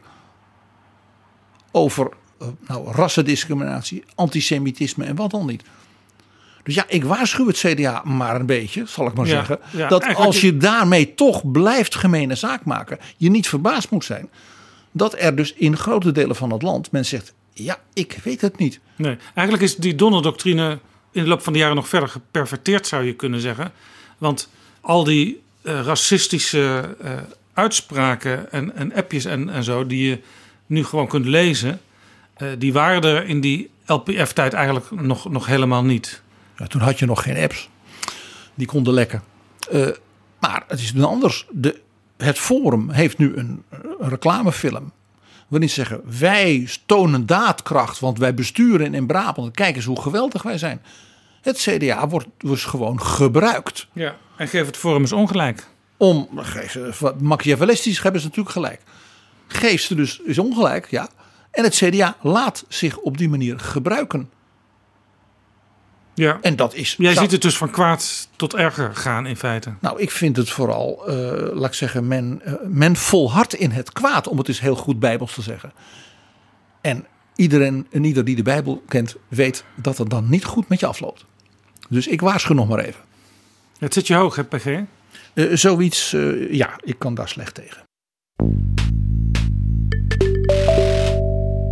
Dit is Betrouwbare Bronnen, een podcast met betrouwbare bronnen. PG, we hadden het over het samenvallen van programprofiel persoon. Tweede punt was snap je kiezer. En het derde punt wat we nu gaan bespreken is... kaap de Big Mo. Zorg dat het momentum aan jouw kant komt. Dat is geheim nummer drie. De Big is Mo. ook wel een best wel ingewikkelde opdracht. Ja, hoe krijg je verrassend de wind in de zeilen. Dat is het eigenlijk. En waar komt die The Big Mo vandaan? Die komt natuurlijk uit Amerika. En die komt uit 1980. Uit het kleine boerenstaatje met heel wat hele vrome Hollanders, Iowa. Ah ja. Daar was de caucus. En dat is altijd de allereerste. En daar was een kandidaat van de Republikeinen. En die heeft bij elke boerderij drie keer aangeklopt. En zijn buitengewoon charismatische en slimme en hartelijke vrouw Barbara ook. En zijn zonen George en Jeb. En overal klopten ze aan. En al hun vrienden uit heel Amerika, overal klopten ze aan. George Bush senior, zeggen wij nu. De directeur van de CIA, ambassadeur in Peking, een typische klassieke bestuurder van de elite. Ja, niet bepaald iemand die je deur aan deur langs de huizen ziet gaan. Maar hij was natuurlijk ook een man uit Texas, dus hij sprak de taal van de boeren, een beetje. En hij is net zo lang in Iowa campagne gaan voeren. En de kandidaat die zeker wist dat die conservatieve, nette, 98% blanken boeren in Iowa op hem zouden stemmen, was Ronald Reagan. Dus die heeft in Iowa nauwelijks 24 uur wat handjes geschud Ja. en wat filmpjes vertoond. Ronald Reagan dacht natuurlijk, ik heb voldoende aan dat PPP. Dat begrijpen ze hier wel. Ze kennen mij, ze waarderen mij. Ik zeg een paar dingen en dan is het gedaan. En toen kwam de avond van de caucus. En George Bush won Iowa. Het was een schok. En hij was dus in één keer in alle journaals, in alle kranten. En toen heeft hij geroepen: We have the big Mo. Ja, Pat Buchanan, die voor Nixon werkte, die voor Reagan ging werken, die was ook journalist en hoorde het hem zeggen in de lift. I was in Iowa, 1980, covering it when I was on radio. And uh, I was at that downtown hotel where Bush was staying. Bush got on the elevator the day that morning and he said, I've got the big mo. the big momentum. Een typische Bush-uitdrukking, want Bush, zijn Engels-Amerikaans was vaak wat onbegrijpelijk het vermengelde taal. De big momentum bedoelde hij. De big momentum. En toen zei hij, en nu gaan we in New Hampshire winnen en we gaan overal winnen. En toen heeft de Reagan-campagne meedogenloos teruggeslagen. En toen won uiteindelijk toch Reagan de campagne. Maar dit is wel het mooie van dat Amerikaanse systeem. Dat je eigenlijk op een vrij klein plekje, als je daar enorm scoort, dan kun je, zeker in het begin van de campagne, kun je ineens je momentum krijgen. En misschien wel uiteindelijk het Witte Huis bereiken. Want dat was vier jaar daarvoor ook gebeurd, maar dan bij de Democrats. Daar was de gouverneur van Georgia. Jimmy Carter. Was dus in Iowa precies hetzelfde gaan doen. En die zei: Ik ben een pindaboer, ik snap boeren. En die heeft ook ja, met zijn hele familie en overal. Bush heeft de campagne van Carter gekopieerd, maar dan als republikein. En had dus hetzelfde verrassende succes. Alleen Carter won toen, want die had geen Reagan in zijn partij. Bush had natuurlijk Reagan in zijn partij. En Reagan was natuurlijk wel een aparte figuur. En zodra iemand echt een beetje boven de rest uit begint te stijgen, dan zijn de media ineens razend geïnteresseerd. Want die zijn altijd op zoek naar een new kid on the block. Everybody loves a winner. Nothing succeeds like success. ja, dus de magneetwerking van de Big Mo, daar gaat het om. Het gaat niet om die paar kiesmannen in Iowa of die paar kiesmannen in New Hampshire. Het gaat om die beweging, dat gevoel. Dit is dus ook wat we in Nederland hebben gezien bij Pim Fortuyn, die plotseling ging scoren. Bij Wouter Bos, die letterlijk als new kid on the block ineens eh, de leider werd. Rita Verdonk. Leek het. Ja. Nou, bij Fortuyn is ook daarom een mooi voorbeeld. De beeldvorming rondom de Big Mo hoeft namelijk helemaal niet overeen te komen met de realiteit. Pim Fortuyn was afgezet als lijsttrekker van zijn partij en deed in één gemeente mee waar hij de nummer één was van de gemeenteraadslijst, namelijk Rotterdam.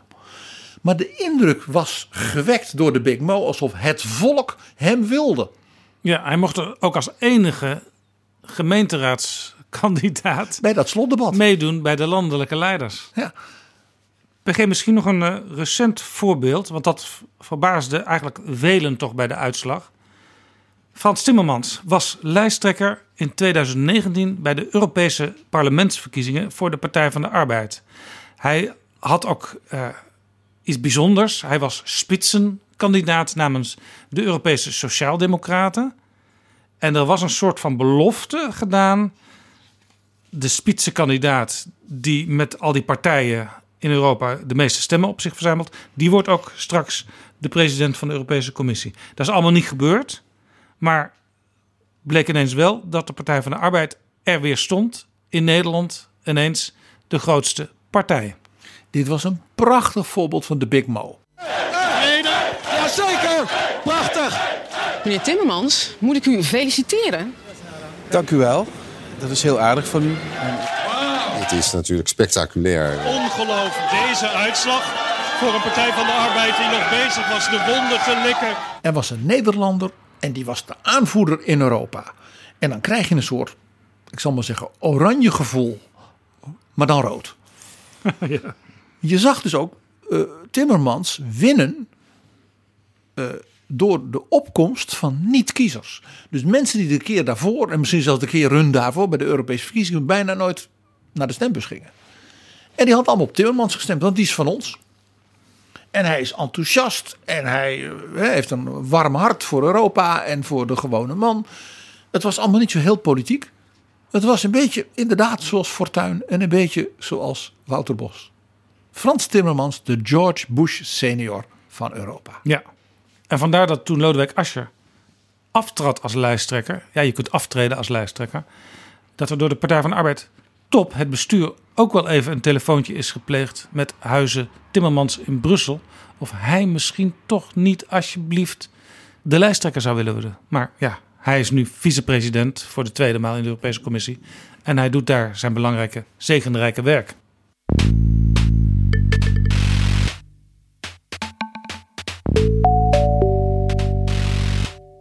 PG, het is dus belangrijk dat programma, profiel en persoon één geheel vormen.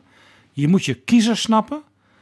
Als het even kan, kaap de Big Mo, de Big Momentum. En dan gaan we nu het vierde onderdeel bespreken, wat jij al in de introductie zei. Geheim nummer vier. Het haakje, dat ene haakje in de campagne. En dat is ook vaak, om het even wat duidelijker te maken, dat ene ding wat wij ons nog herinneren uit dat ene campagnejaar.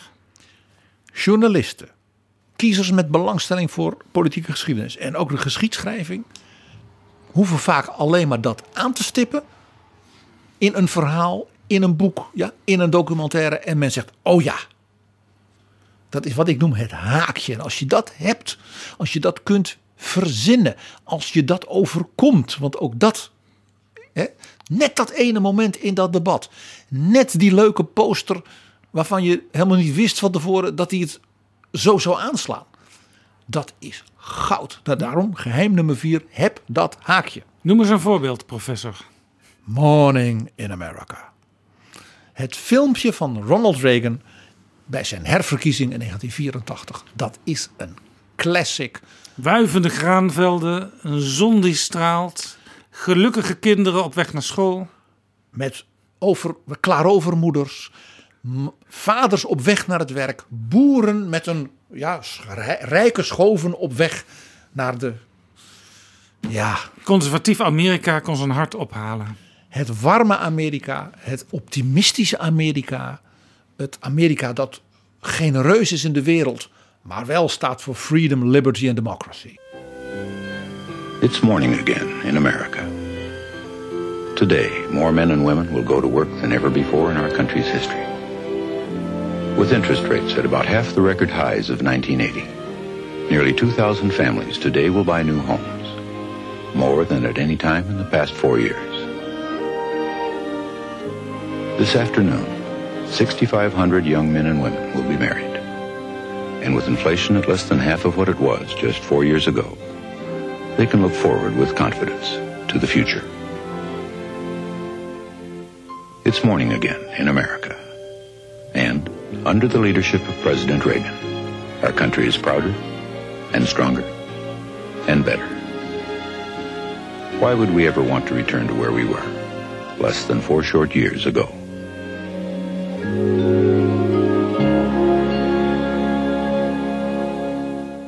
Dat filmpje Morning in America is fameus en is de gold standard geworden. Morning in America again. Ik heb nog zo'n haakje uit ons buurland, uit Duitsland. Het slotdebat voor de Bondsdagverkiezingen van 2013. Twee zeer gedegen kandidaten, de minister van Financiën en de kanslerin. Peer Steinbrück van de SPD en Angela Merkel van de Christen-Democraten. En dat was dus een keurig debat. Want ze zaten samen in de regering. Ja, de gebeurde- coalitie. Er gebeurde eigenlijk niet veel. Nee, je kon zien dat het beide gedegen politici waren. Hij heeft ietsje meer ondeugende humor. Eh, zij is natuurlijk altijd de domineesdochter. Ze waren alle twee op zoek naar de gematigde, constructieve kiezer in het midden. Dus het was geen heet debat. En toen kwam het slot. En Merkel zegt in haar slotwoord iets heel eenvoudigs. Ze vat niet nog een keer samen van u moet op de CDU stemmen vanwege dit en dit en dit. Dat is natuurlijk een beetje. Maar ze zei iets anders. Laten we even luisteren. Frau Bundeskanzlerin, Sie haben auch die Chance, jetzt in 90 Sekunden noch einmal das zu sagen, Liebe- was Sie sagen wollten. Mitbürgerinnen und Mitbürger, wir haben die Argumente heute Abend ausgetauscht und jetzt sind Sie dran und können wählen. Sie kennen mich und Sie wissen, was ich anpacken möchte und wie ich das mache. Und wir hatten vier gute Jahre für Deutschland und ich möchte, dass auch die nächsten Jahre gute Jahre werden. Wir können das nur gemeinsam schaffen, erfolgreich zu sein. Sie kennen mich. U weet wie ik ben. Daar was over nagedacht. Ja. Over dit haakje. Door haar campagneteams. Want die kenden natuurlijk alle onderzoeken onder de bevolking. En met name onder de vrouwen, zeg maar onder de 40 in Duitsland. Die niet altijd klassiek CDU stemmen. Hoe hoog de waardering onder die bevolkingsgroepen voor mevrouw Merkel als mens was. En zij hoefde dus eigenlijk anders dan haar sociaal-democratische tegenvoeter, die nog wat nieuwer op dat front was, geen examen meer te doen bij de kiezer. Want de kiezer die wist al wat voor vlees hij of zij in de kuip had. Ze kennen mich. Niet ik ben zo geweldig. U weet wat u aan mij hebt. Ja, jij zei, het kan soms ook een affiche zijn. We hebben natuurlijk al eerder in deze aflevering Laat Lubbers zijn karwei afmaken besproken. Dat is natuurlijk in Nederland een vergelijkbare eh, als Morning in America. En dan noem ik natuurlijk, we hebben hem ook al besproken, Joop ten Uyl in 1977. Kies de minister-president. Staatsrechtelijk natuurlijk een onding, maar een ijzersterke. Want er is er nog een van de PvdA. Die is zelfs nog korter. Die was minstens zo gewaagd. Kies Kok. 1994. Dat was trouwens opmerkelijk, hè, want we hadden het ook al over. Dingen komen vaak terug.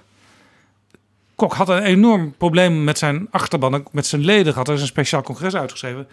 Met de eh, besparingen op de, de WHO, de arbeidsongeschiktheid. En toch durfde de Partij van de Arbeid het aan die campagne volledig op die ene persoon, Wim Kok, te richten. En daar speelde iets wat we net met Angela Merkel bespraken. Wim Kok werd, misschien ook wel omdat hij zo lang een vakbondsman was geweest, veel breder dan alleen in de PvdA en zelfs in de wat bozige, verzuurde PvdA rondom het gedoe met de WHO, gewaardeerd als zeg maar een gedegen man zonder veel capsones en pretenties uit de polder, de timmermanszoon, eh, die stond voor zijn zaak. En dus de campagnemensen van de Partij van de Arbeid die die gok hebben gewaagd om te zeggen wij zeggen gewoon kies kok. Die hadden hier dus zo'n haakje. Dat was in één keer raak. Reagan, we noemden hem al met Morning in America. Ja. In 1980 deed hij iets wat Angela Merkel ook in dat debat deed. In het slot van het debat kwam Reagan met iets naar de kiezer. Dat was zo. In die ene minuut dat je nog even recht in de camera het land mag toespreken. En dan loop je het gevaar dat je in dat minuut nog je tien belangrijkste prioriteiten wil noemen. En nog een woord van dat je hoopt dat de vrouwen op je. en voor je het weet heb je dus dat minuut verspeeld. Reagan. Hollywood-acteur, dus hij wist hoe je een minuut kon vullen, effectief. Daar was hij briljant in. Want dat had hij geleerd als tv-MC, Master of Ceremonies. Precies zoveel seconden tussen de reclames in.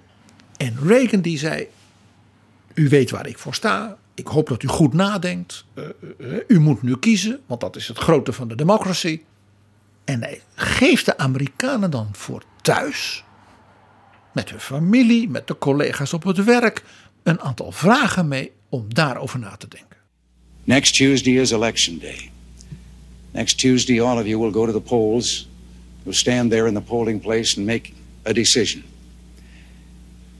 I think when you make that decision, it might be well if you would ask yourself Are you better off than you were four years ago? Is it easier for you to go and buy things in the stores than it was four years ago?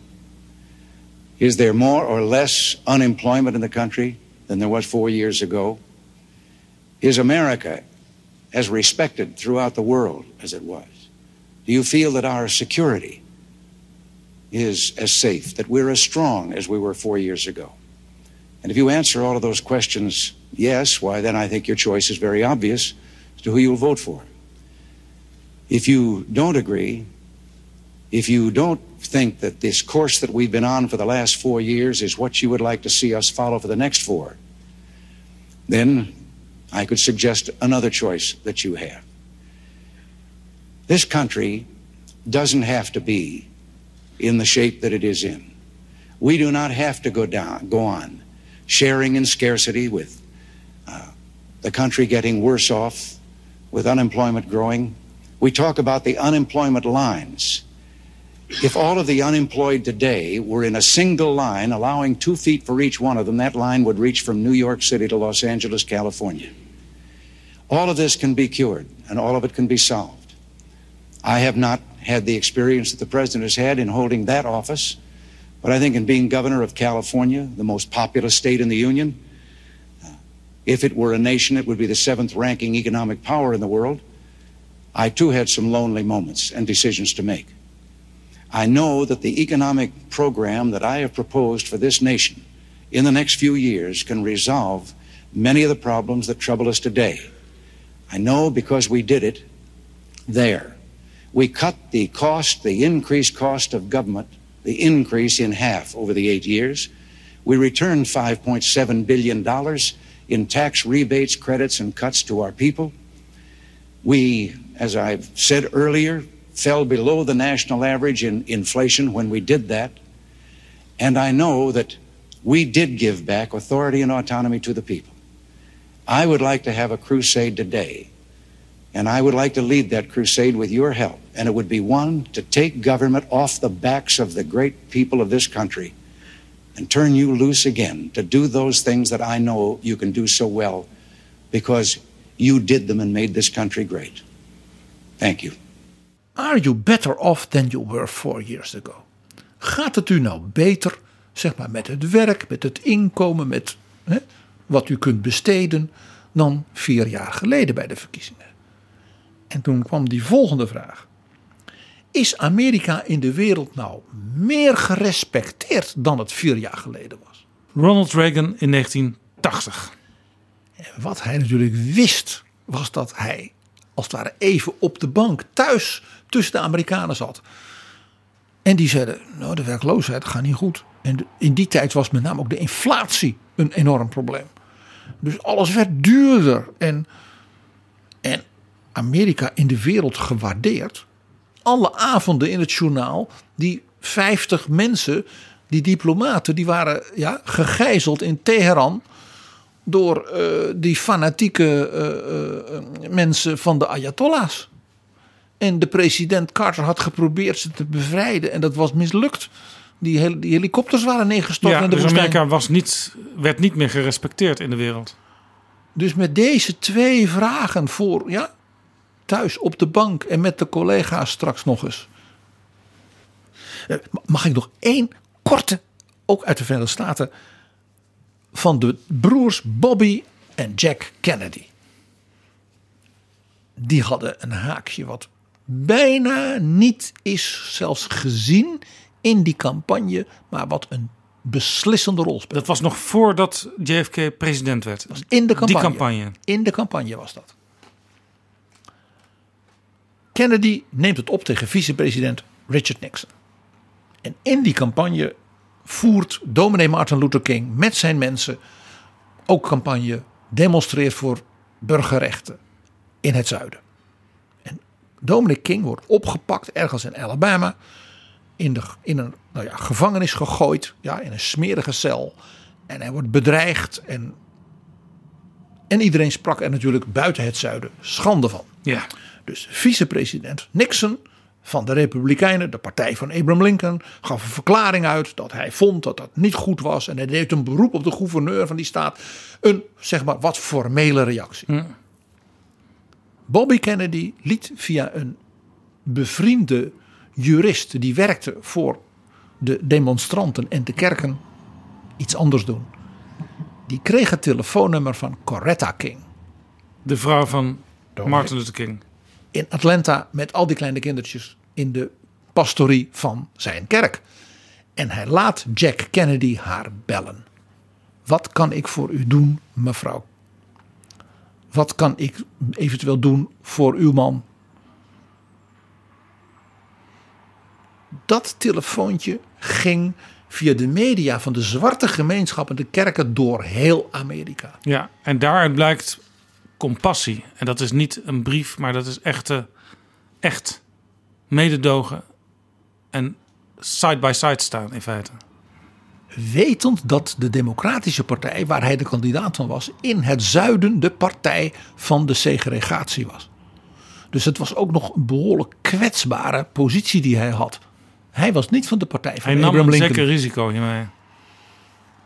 De zwarte kiezers hebben dat zeer gewaardeerd. En dus die nipte, nipte overwinning van JFK, onder andere in Illinois, was mede te danken aan de stad Chicago met zijn grote zwarte bevolking. Dit is Betrouwbare Bronnen. PG, programprofiel persoon moet één geheel zijn. Je moet je kiezers snappen. Het big momentum, dat zou mooi zijn als je dat kunt kapen. Dat ene haakje, als je daarvoor kunt zorgen, dan gaat het goed met je campagne. Jij noemde als nummertje 5 in het begin van deze aflevering de nul houden. En dat klinkt altijd heel saai. Dat betekent in feite, eh, je moet zorgen dat je zelf geen fouten maakt. Laat anderen dat maar doen. Het geheim is dat je saai, foutloos probeert te zijn. En de blunders, uitglijers van anderen een extra spotlight daarmee kunt geven. En die ook zelf, waar dat mogelijk is, natuurlijk nog wat even uitvergroten en Ja. oppompen. Ik herinner mij een, een, een foto, ik denk uit Vrij Nederland, waar je Felix Rottenberg, betrokken bij de Partij van de Arbeid-campagne, op een groot whiteboard zag schrijven: laat anderen de fouten maken. Felix kent geheim 5. Dat is duidelijk. Mag ik een voorbeeld geven, zeer recent. Joe Biden in het eerste tv-debat met Donald Trump. Ja, dat, dat debat waar Donald Trump gewoon door alles heen zat te praten en zich van de debatleiding niks aantrok. Ik heb het besproken met Roderick van Grieken. Joe Biden was de uitdager. Donald Trump was de zittende president. Joe Biden deed dus wat Ronald Reagan deed. Rustig blijven, de kiezer aanspreken. Hij heeft voortdurend zich niet geprobeerd te laten provoceren door Trump. Of door de warrigheid van de discussieleiding. Hij sprak voortdurend you folks. Hij sprak net als Reagan de mensen dus op die bank voor de televisie aan. En heeft maar één keer toen, toen Trump weer volledig even zei oh man. De enige keer. Ja. Last time we were on stage here, he said, I told him to stand down and stand ready. Come on.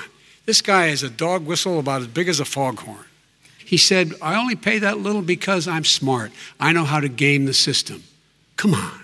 Come on, folks. I mean, the idea that Donald Trump is lecturing me on Social Security and Medicare?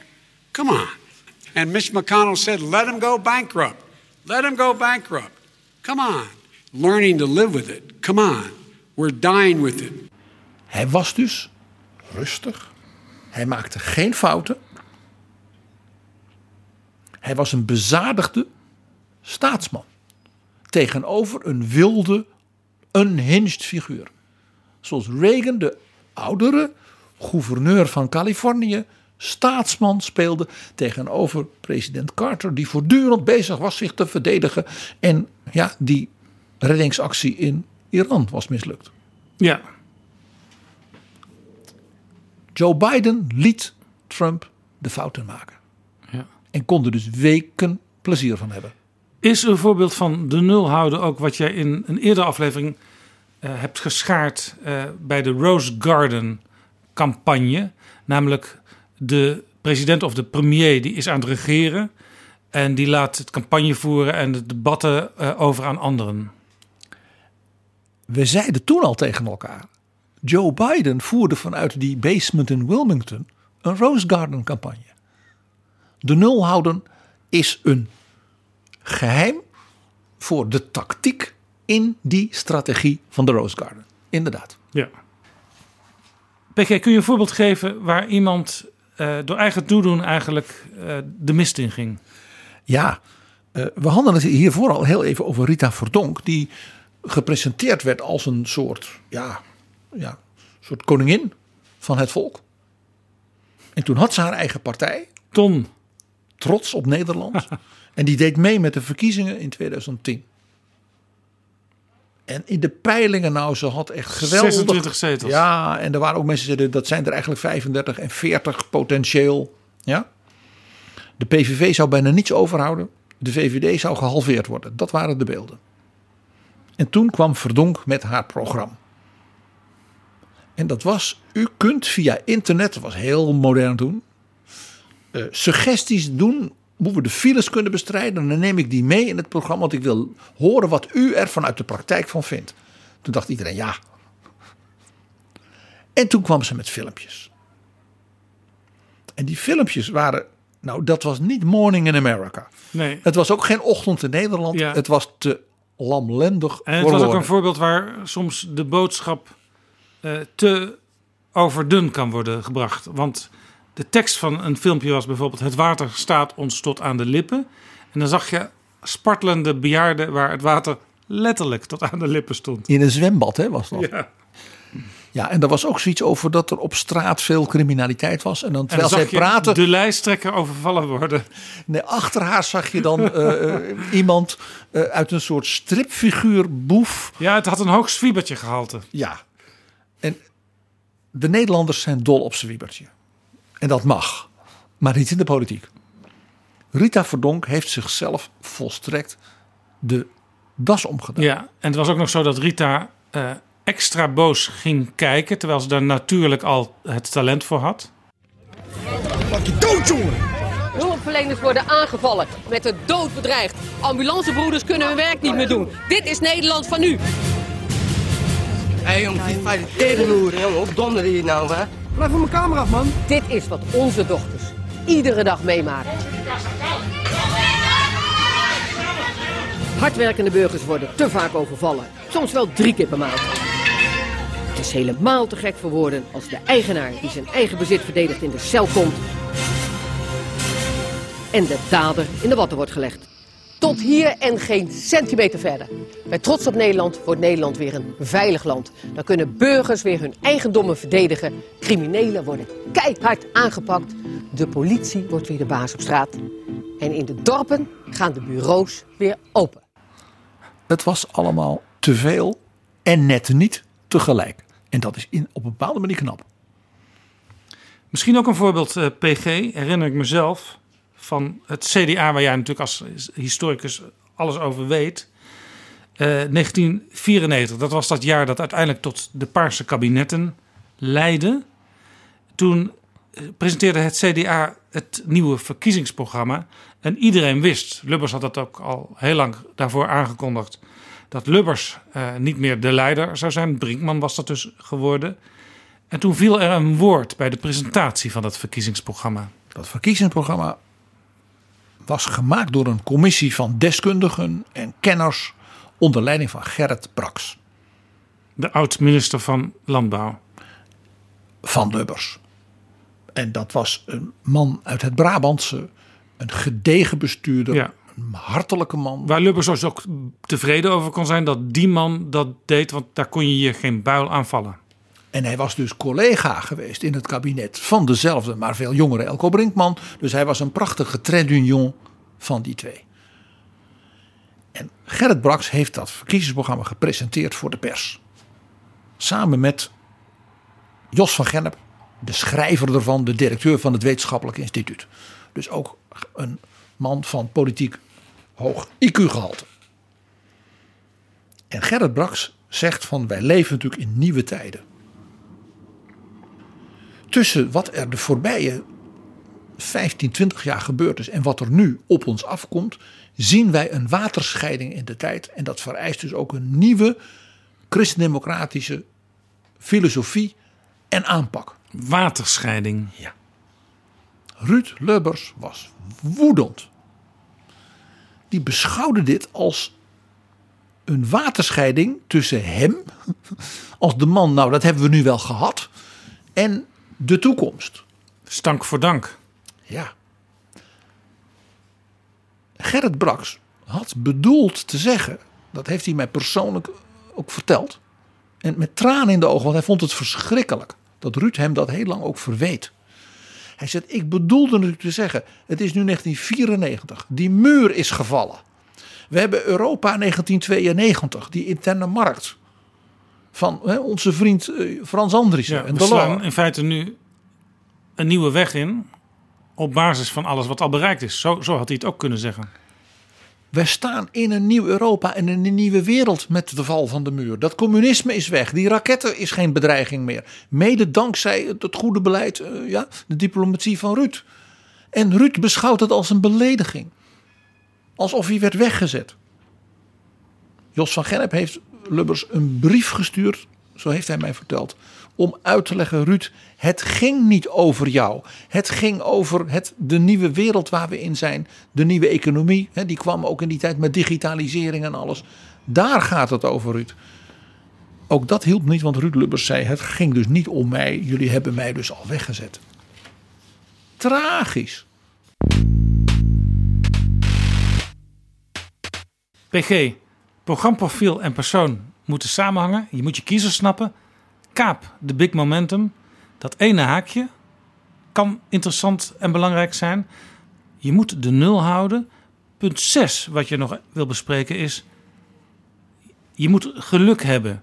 Nou is dat natuurlijk ook altijd een lastig, lastig idee. Van, want hoe ga je dat als campagneteam plannen, dat je geluk hebt? Maar misschien kan ik de vraag toch stellen... kun je geluk ook afdwingen? Ja, dat is, hè, de mens wikt toch schot beschikt. Hè? Dat, ja. Maar ja, je kunt het proberen. Soms overkomt het je. Maar soms gebeuren er dingen waar je, waar je denkt van... ja, als dit gebeurt, dan kan ik in die campagne daar op zo'n manier mee omgaan. Voorbeeld? Joop den Uyl in 1977. Hij kwam al vaker langs. De gijzelingen. Ja, vlak voor de verkiezingen is er een gijzeling door eh, Zuid-Molukse terroristen in het noorden van het land. De campagnes worden onmiddellijk stilgelegd. Twee gijzelingen zelfs, hè? In een schooltje en in een trein. Ja. Niet alleen werd de campagne stilgelegd, dus ook alle televisie- en media-aandacht voor die campagne. En er kwam dus geen slotdebat tussen Den Uil, Van Acht en Wiegel. Waarbij dus Van Acht als kandidaat premier de gelijke was geweest van Joop den Uyl. Hans Wiegel had ook in de peilingen veel minder zetels. Dat was voor den Uyl als kies de minister-president natuurlijk magnifiek. Half elf, radio-nieuwsdienst verzorgd door het ANP. Bij plaatsje Onnen, even ten zuiden van Groningen, is een reizigerstrein overvallen.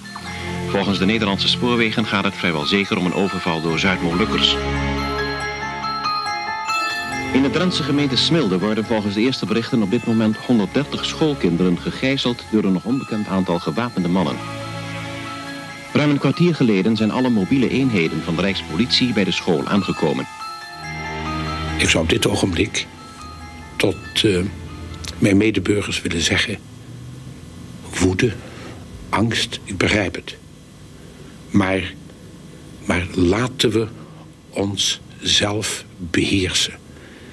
Laten we waardig en kalm proberen dit afschuwelijke kwaad te boven te komen.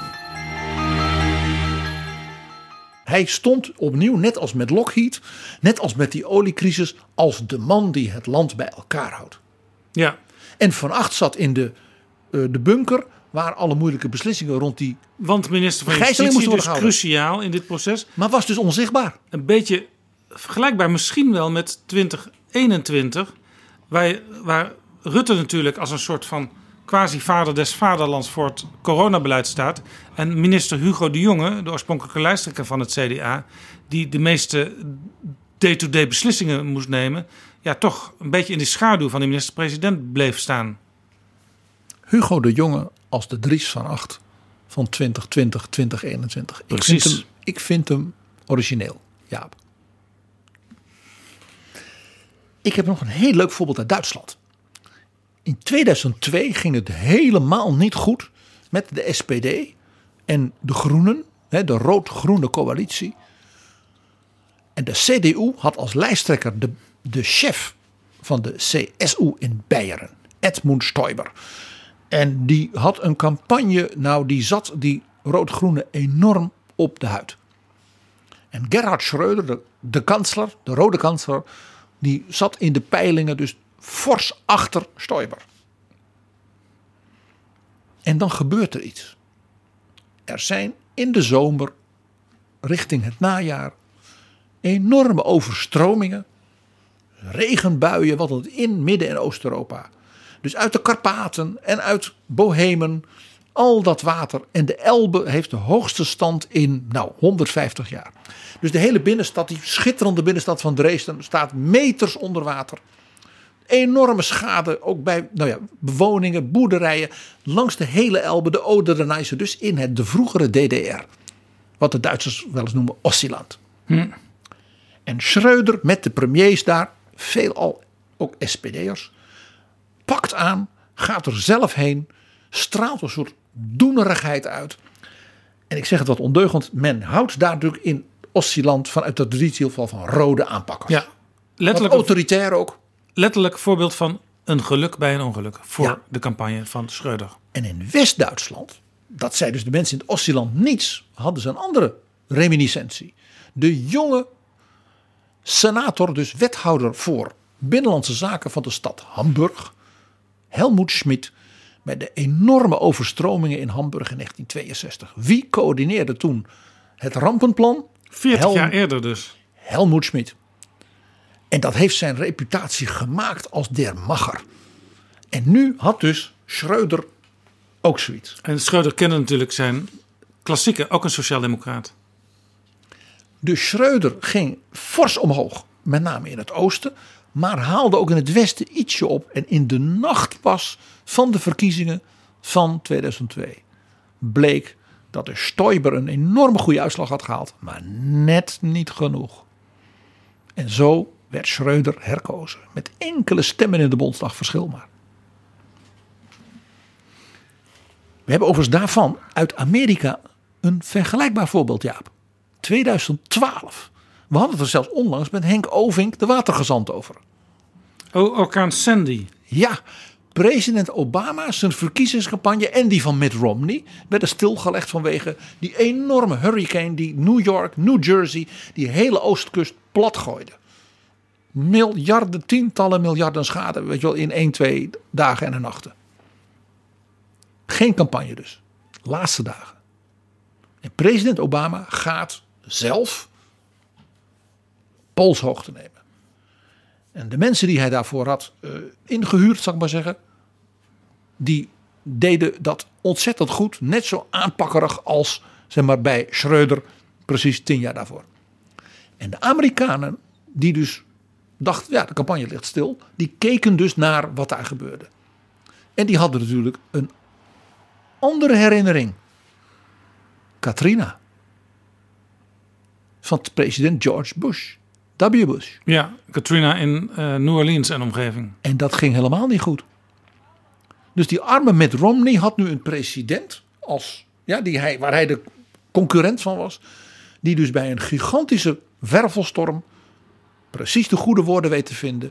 Waarbij de aanpak lukt. En de republikeinse gouverneur van New Jersey, Chris Christie, de president omhelst en bedankt voor alles wat hij heeft gedaan voor zijn staat. Ja, hier valt het echt toe. There was a restaurant owner who, for the last 18 hours, had been cooking meals, uh, you know, just as his contribution to the recovery process. Uh, and you know, some of the folks were saying the food was better than they got at home.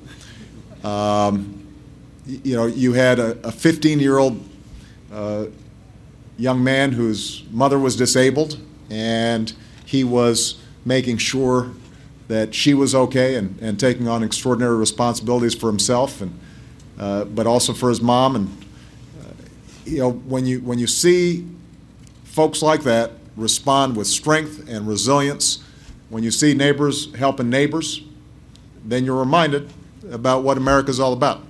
You know we go through tough times but we bounce back. And the reason we bounce back is uh, because uh, we look out for one another uh, and we don't leave anybody behind De president had, zo weten we uit zijn memoires, een van de eerste dingen die hij had gedaan was No Katrina on my watch. Dus hij zegt: Ik ga dat hele noodscenario's en hoe pakken we dat aan van de grond af aan reorganiseren. Zoiets mag nooit meer gebeuren. PG, als je het hebt over het geluk wat je toevalt en wat je in jouw voordeel kunt laten werken, dan moet ik toch ook denken aan de vorige verkiezingen, vier jaar geleden, 2017. Bij Mark Rutte. Ik snap hem al. Want toen was er natuurlijk een, ja, een soort ruzie tussen Nederland en Turkije. Uh, er zou een, uh, een, minister in Nederland optreden in het kader van de verkiezingen van Turkije zelf. Ja, want bijna niemand weet meer waarom nou die ruzie ging. Grappig genoeg.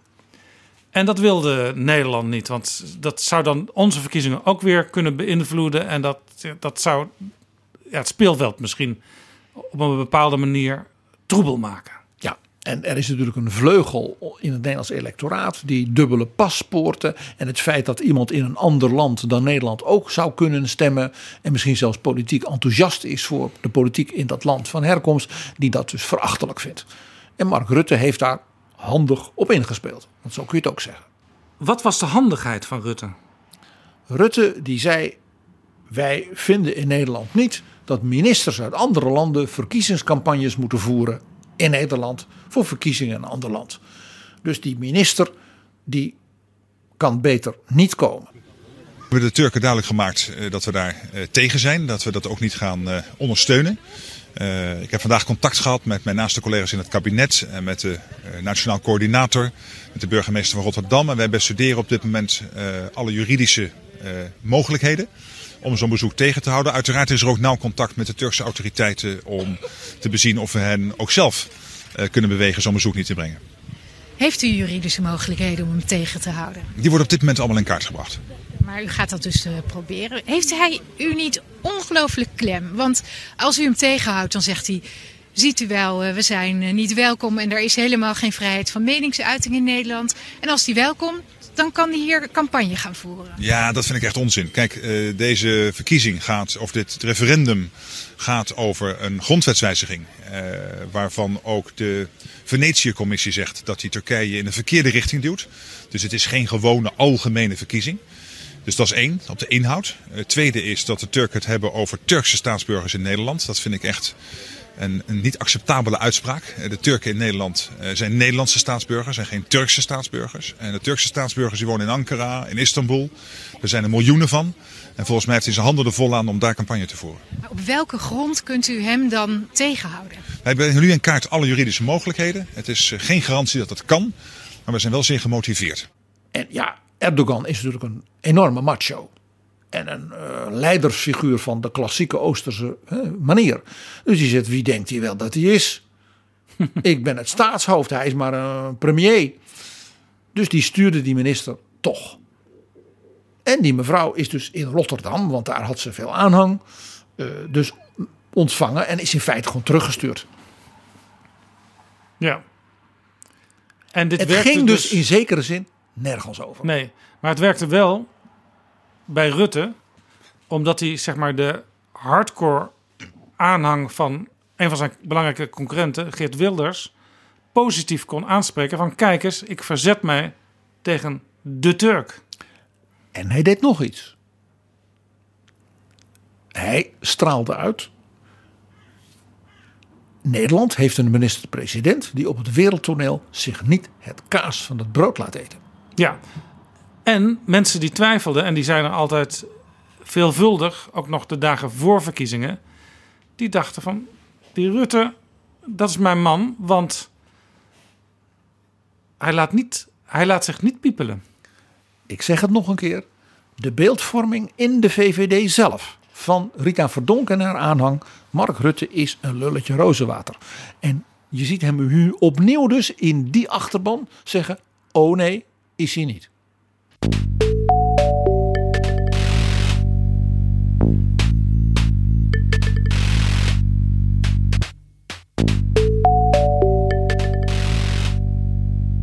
PG, we zijn toe aan het laatste element wat we willen bespreken. Geheim nummer 7.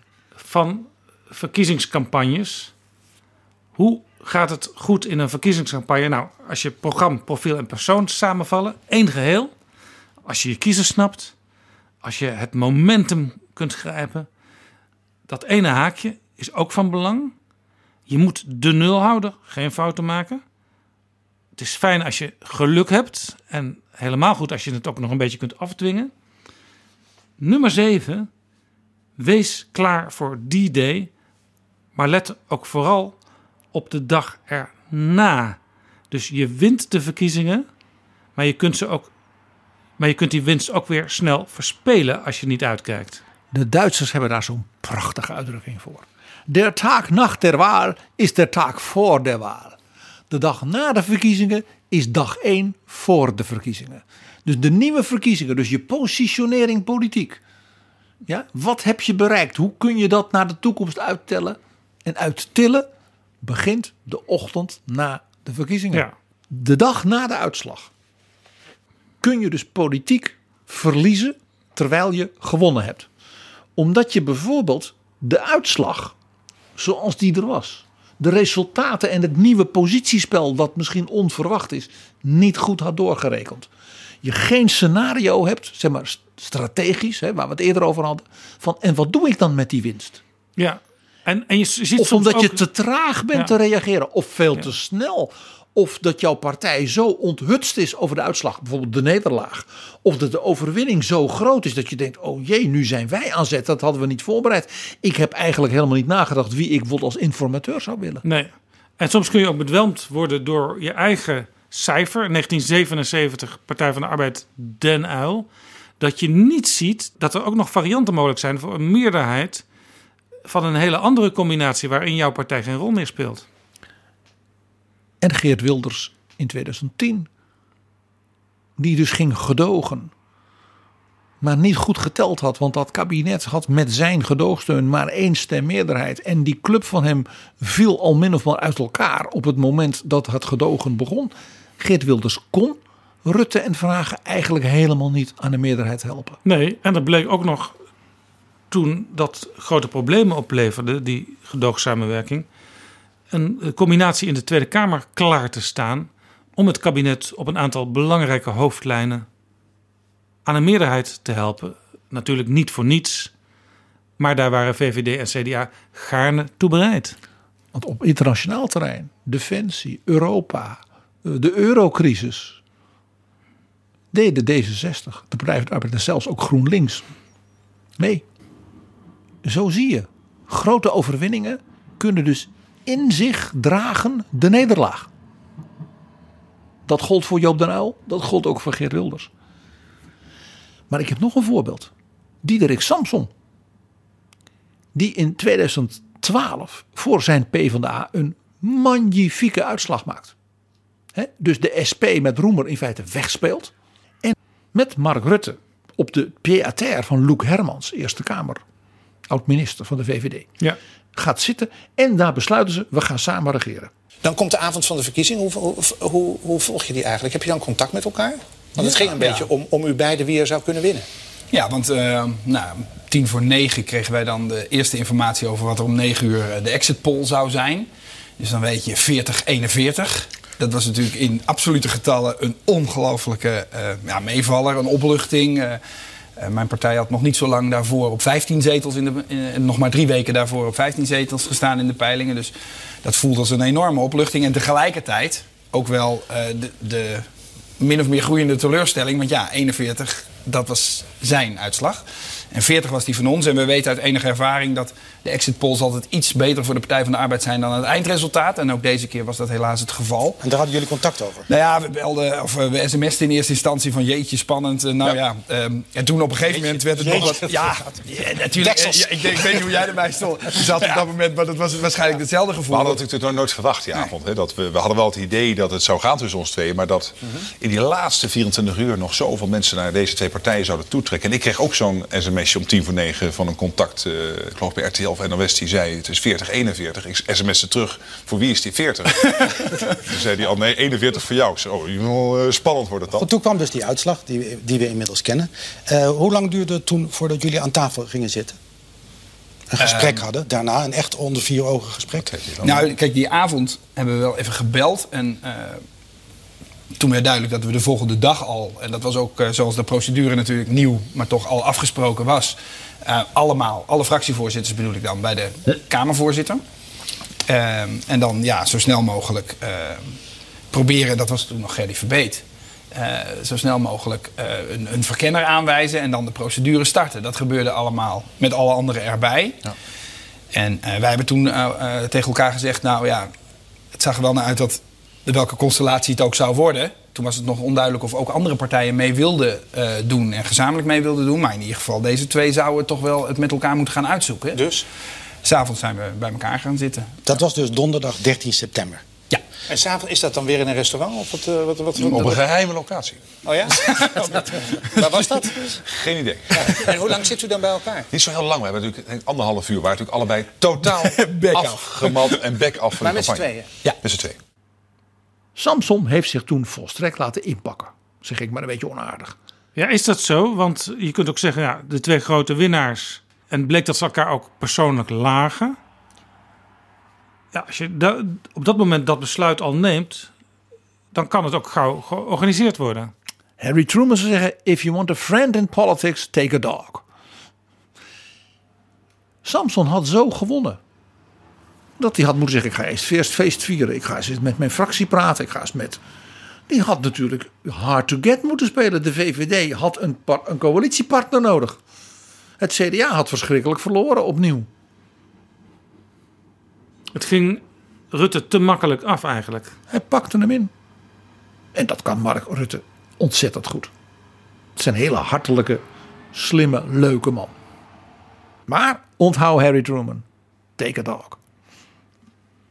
We hebben trouwens heel recent een prachtig voorbeeld hiervan gezien. Nog een keer Joe Biden. Weet jij nog die verkiezingsnacht? Dus de ochtend na de stemming. Daar kwamen ze binnen. De exit polls. En Biden zei: Arizona, de staat van John McCain, komt op mij af. Voor het eerst in lange, lange tijd won een democratie. De staat Wisconsin, de staat waar het altijd weer, ja, waar je op moet letten, dat gaat goed. De buitenwijken van Milwaukee komen naar mij toe. Dus hij zegt, met Kamala Harris naast zich, laten we gerust zijn. Laten we vieren dat we al winnen. Het gaat goed. We blijven rustig. De stemmen worden geteld. Leven de democratie. En president Trump, dus het staatshoofd, Joe Biden was de uitdager. Het staatshoofd verschijnt in het Witte Huis met zijn hele familie en gaat helemaal los. Oh ja, verschrikkelijk. We were getting ready to win this election. Frankly, we did win this election. We did win this election. So our goal now is to ensure the integrity, for the good of this nation. This is a very big moment. This is a major fraud in our nation. We want the law to be used in a proper manner. So we'll be going to the U.S. Supreme Court. We want all voting to stop. We don't want them to find any ballots at four o'clock in the morning and add them to the list. Okay? It's it's a very sad it's a very sad moment. To me, this is a very sad moment. And we will win this. And we, as far as I'm concerned, we already have won it. So I just want to thank you. And I want to thank all of our. Hier zag je dus. Joe Biden wist wat hij deed op D-Day plus one. Na de verkiezingen, staatsman, rust. Niet als het ware je kansen verspelen. En niet zoals Trump aan zelfverbranding doen. PG met Rutte en Samson hadden we een Nederlands voorbeeld. We hadden een Amerikaans voorbeeld met Biden. Ik weet nog een voorbeeld. En daar komt ook die rust waar jij het net over had goed bij kijken. Mitterrand in 1981. Ja, die day was natuurlijk ook in Frankrijk. Dus die day plus one, dan is het heel goed dat we dus eindigen met François Mitterrand. La Force Tranquille, hè? daar refereer jij naar, in 1981. Wat deed Mitterrand toen hij dus die indrukwekkende verkiezingsoverwinning had behaald? Ook als uitdager tegen de zittende president, onlangs overleden Valéry Giscard d'Estaing. Natuurlijk ging hij laat op de avond naar het Place de la Bastille. En werd daar natuurlijk hartstochtelijk toegejuicht door progressief, jong, ja, hip Parijs. Ja. En de vakbonden zongen uh, strijdliederen en wat dan niet. En na uh, een half uur zwaaien en, uh, ging hij weer naar zijn kantoor. Dat doe je dan voor de partij. Maar wat deed hij de volgende dag? Hij ging natuurlijk naar het Elysée. Want in Frankrijk ben je meteen president. Er is niet een soort inzwering zoals in Amerika met een toespraak. Ja, eigenlijk wel heel mooi dat dat meteen gebeurt. Ja, is altijd wat ongemakkelijk, want dan, de zittende president moet dan weg. En, weet je wel. Ja. Maar goed, uh, de, de heren gedroegen zich. Wat dat betreft was het niet uh, zoals met Trump. Uh, en toen ging Mitterrand in Parijs op stap. Hij ging naar het Panthéon. Dat, reusachtige gebouw in Parijs uit de 18e eeuw. Waarin de grote Fransen als het ware hun soort nationale begraafplaats hebben. Het is dus iets heel bijzonders als de president, want die beslist daarover in overleg met de Senaat, uh, besluit: wij gaan deze Fransman, deze Française, een graf geven, een tombe in het Pantheon. Ja, dat moet en, de familie ook goed vinden. Ja, en als je daar naartoe gaat op je eerste dag als president, dan uh, stel je dus een daad uh, van een hoog symbolisch gehalte ook. Want je stelt je in feite in verband met uh, de mensen op de schouders waarvan jij nu het land gaat besturen. En je zegt, ik neig het hoofd voor het beste van Frankrijk. Ja. Van onze tradities, onze cultuur, onze helden ook. Onze voorbeelden voor dat wij dit land goed gaan besturen en leiden. Ook een moment van contemplatie. En ook een moment, het is natuurlijk Frankrijk, de president, van uh, zekere majestuositeit. Hij is natuurlijk ook de monarch dan. Zeker. Hij is Louis XIV, hij is Napoleon. Hij is, zelfs Mitterrand is dan een beetje de Gaulle.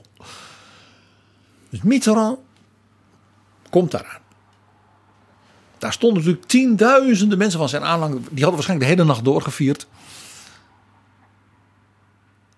En met onder begeleiding natuurlijk loopt hij het Pantheon binnen.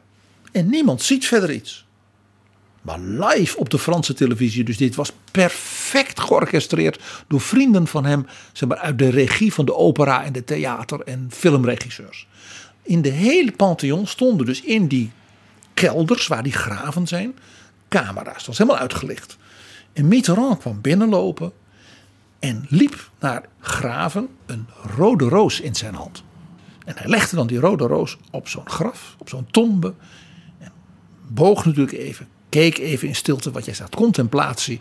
Hij verenigde zich als het ware met Frankrijk. L'État, c'est moi, zou Louis XIV zeggen.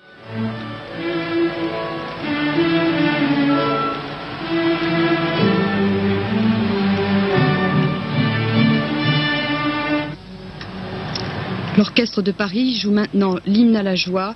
Le président de la République va se recueillir devant les tombeaux de Jean Jaurès et du résistant Jean Moulin.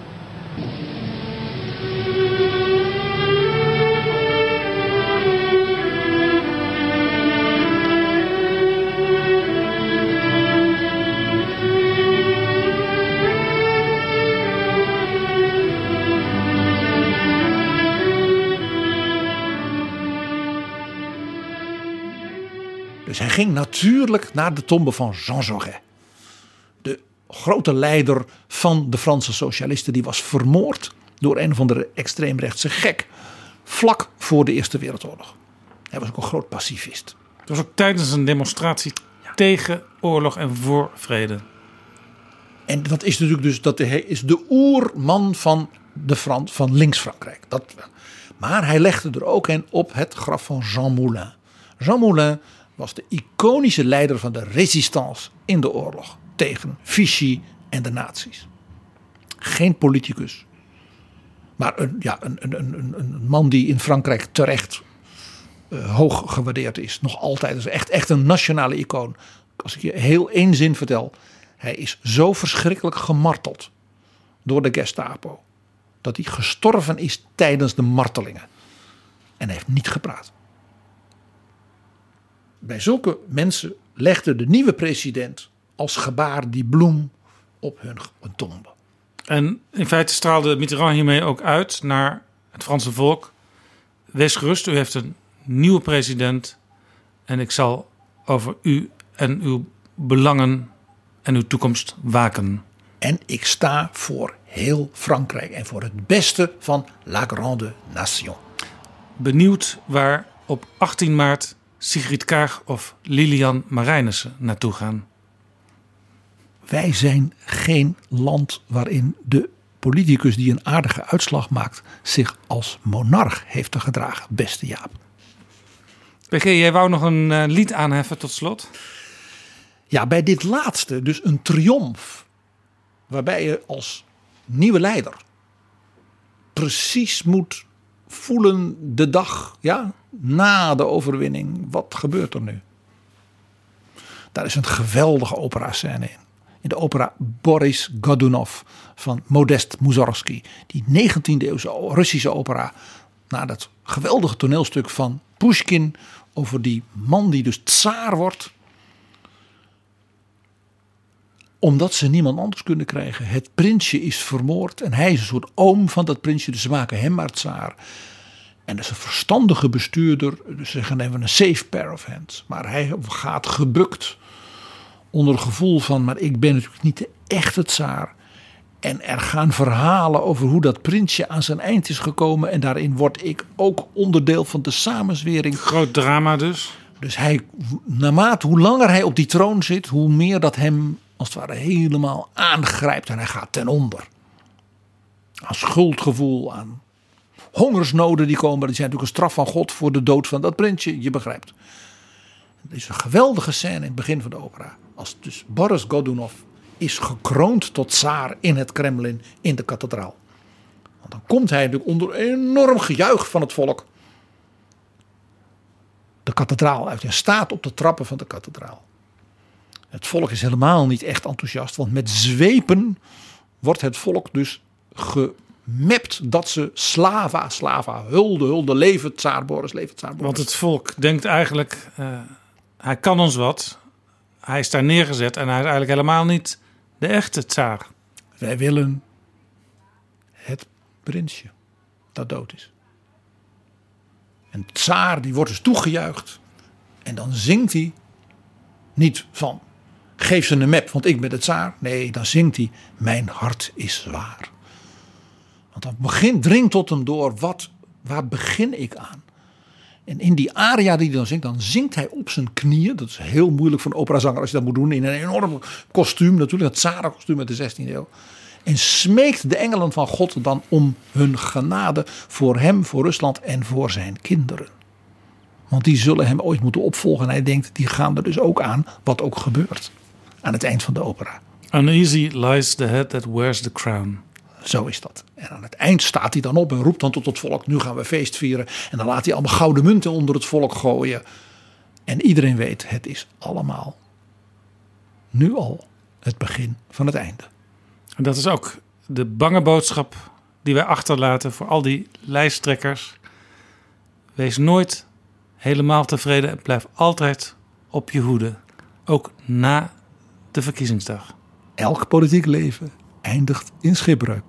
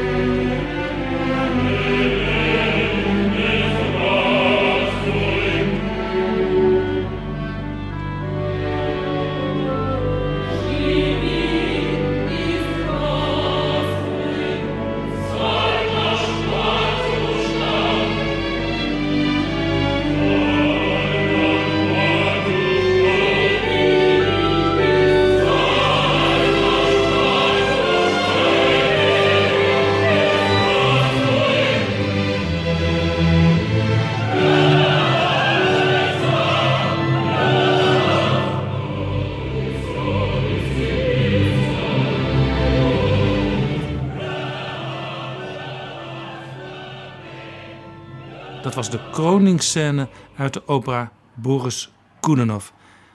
Dankjewel, PG.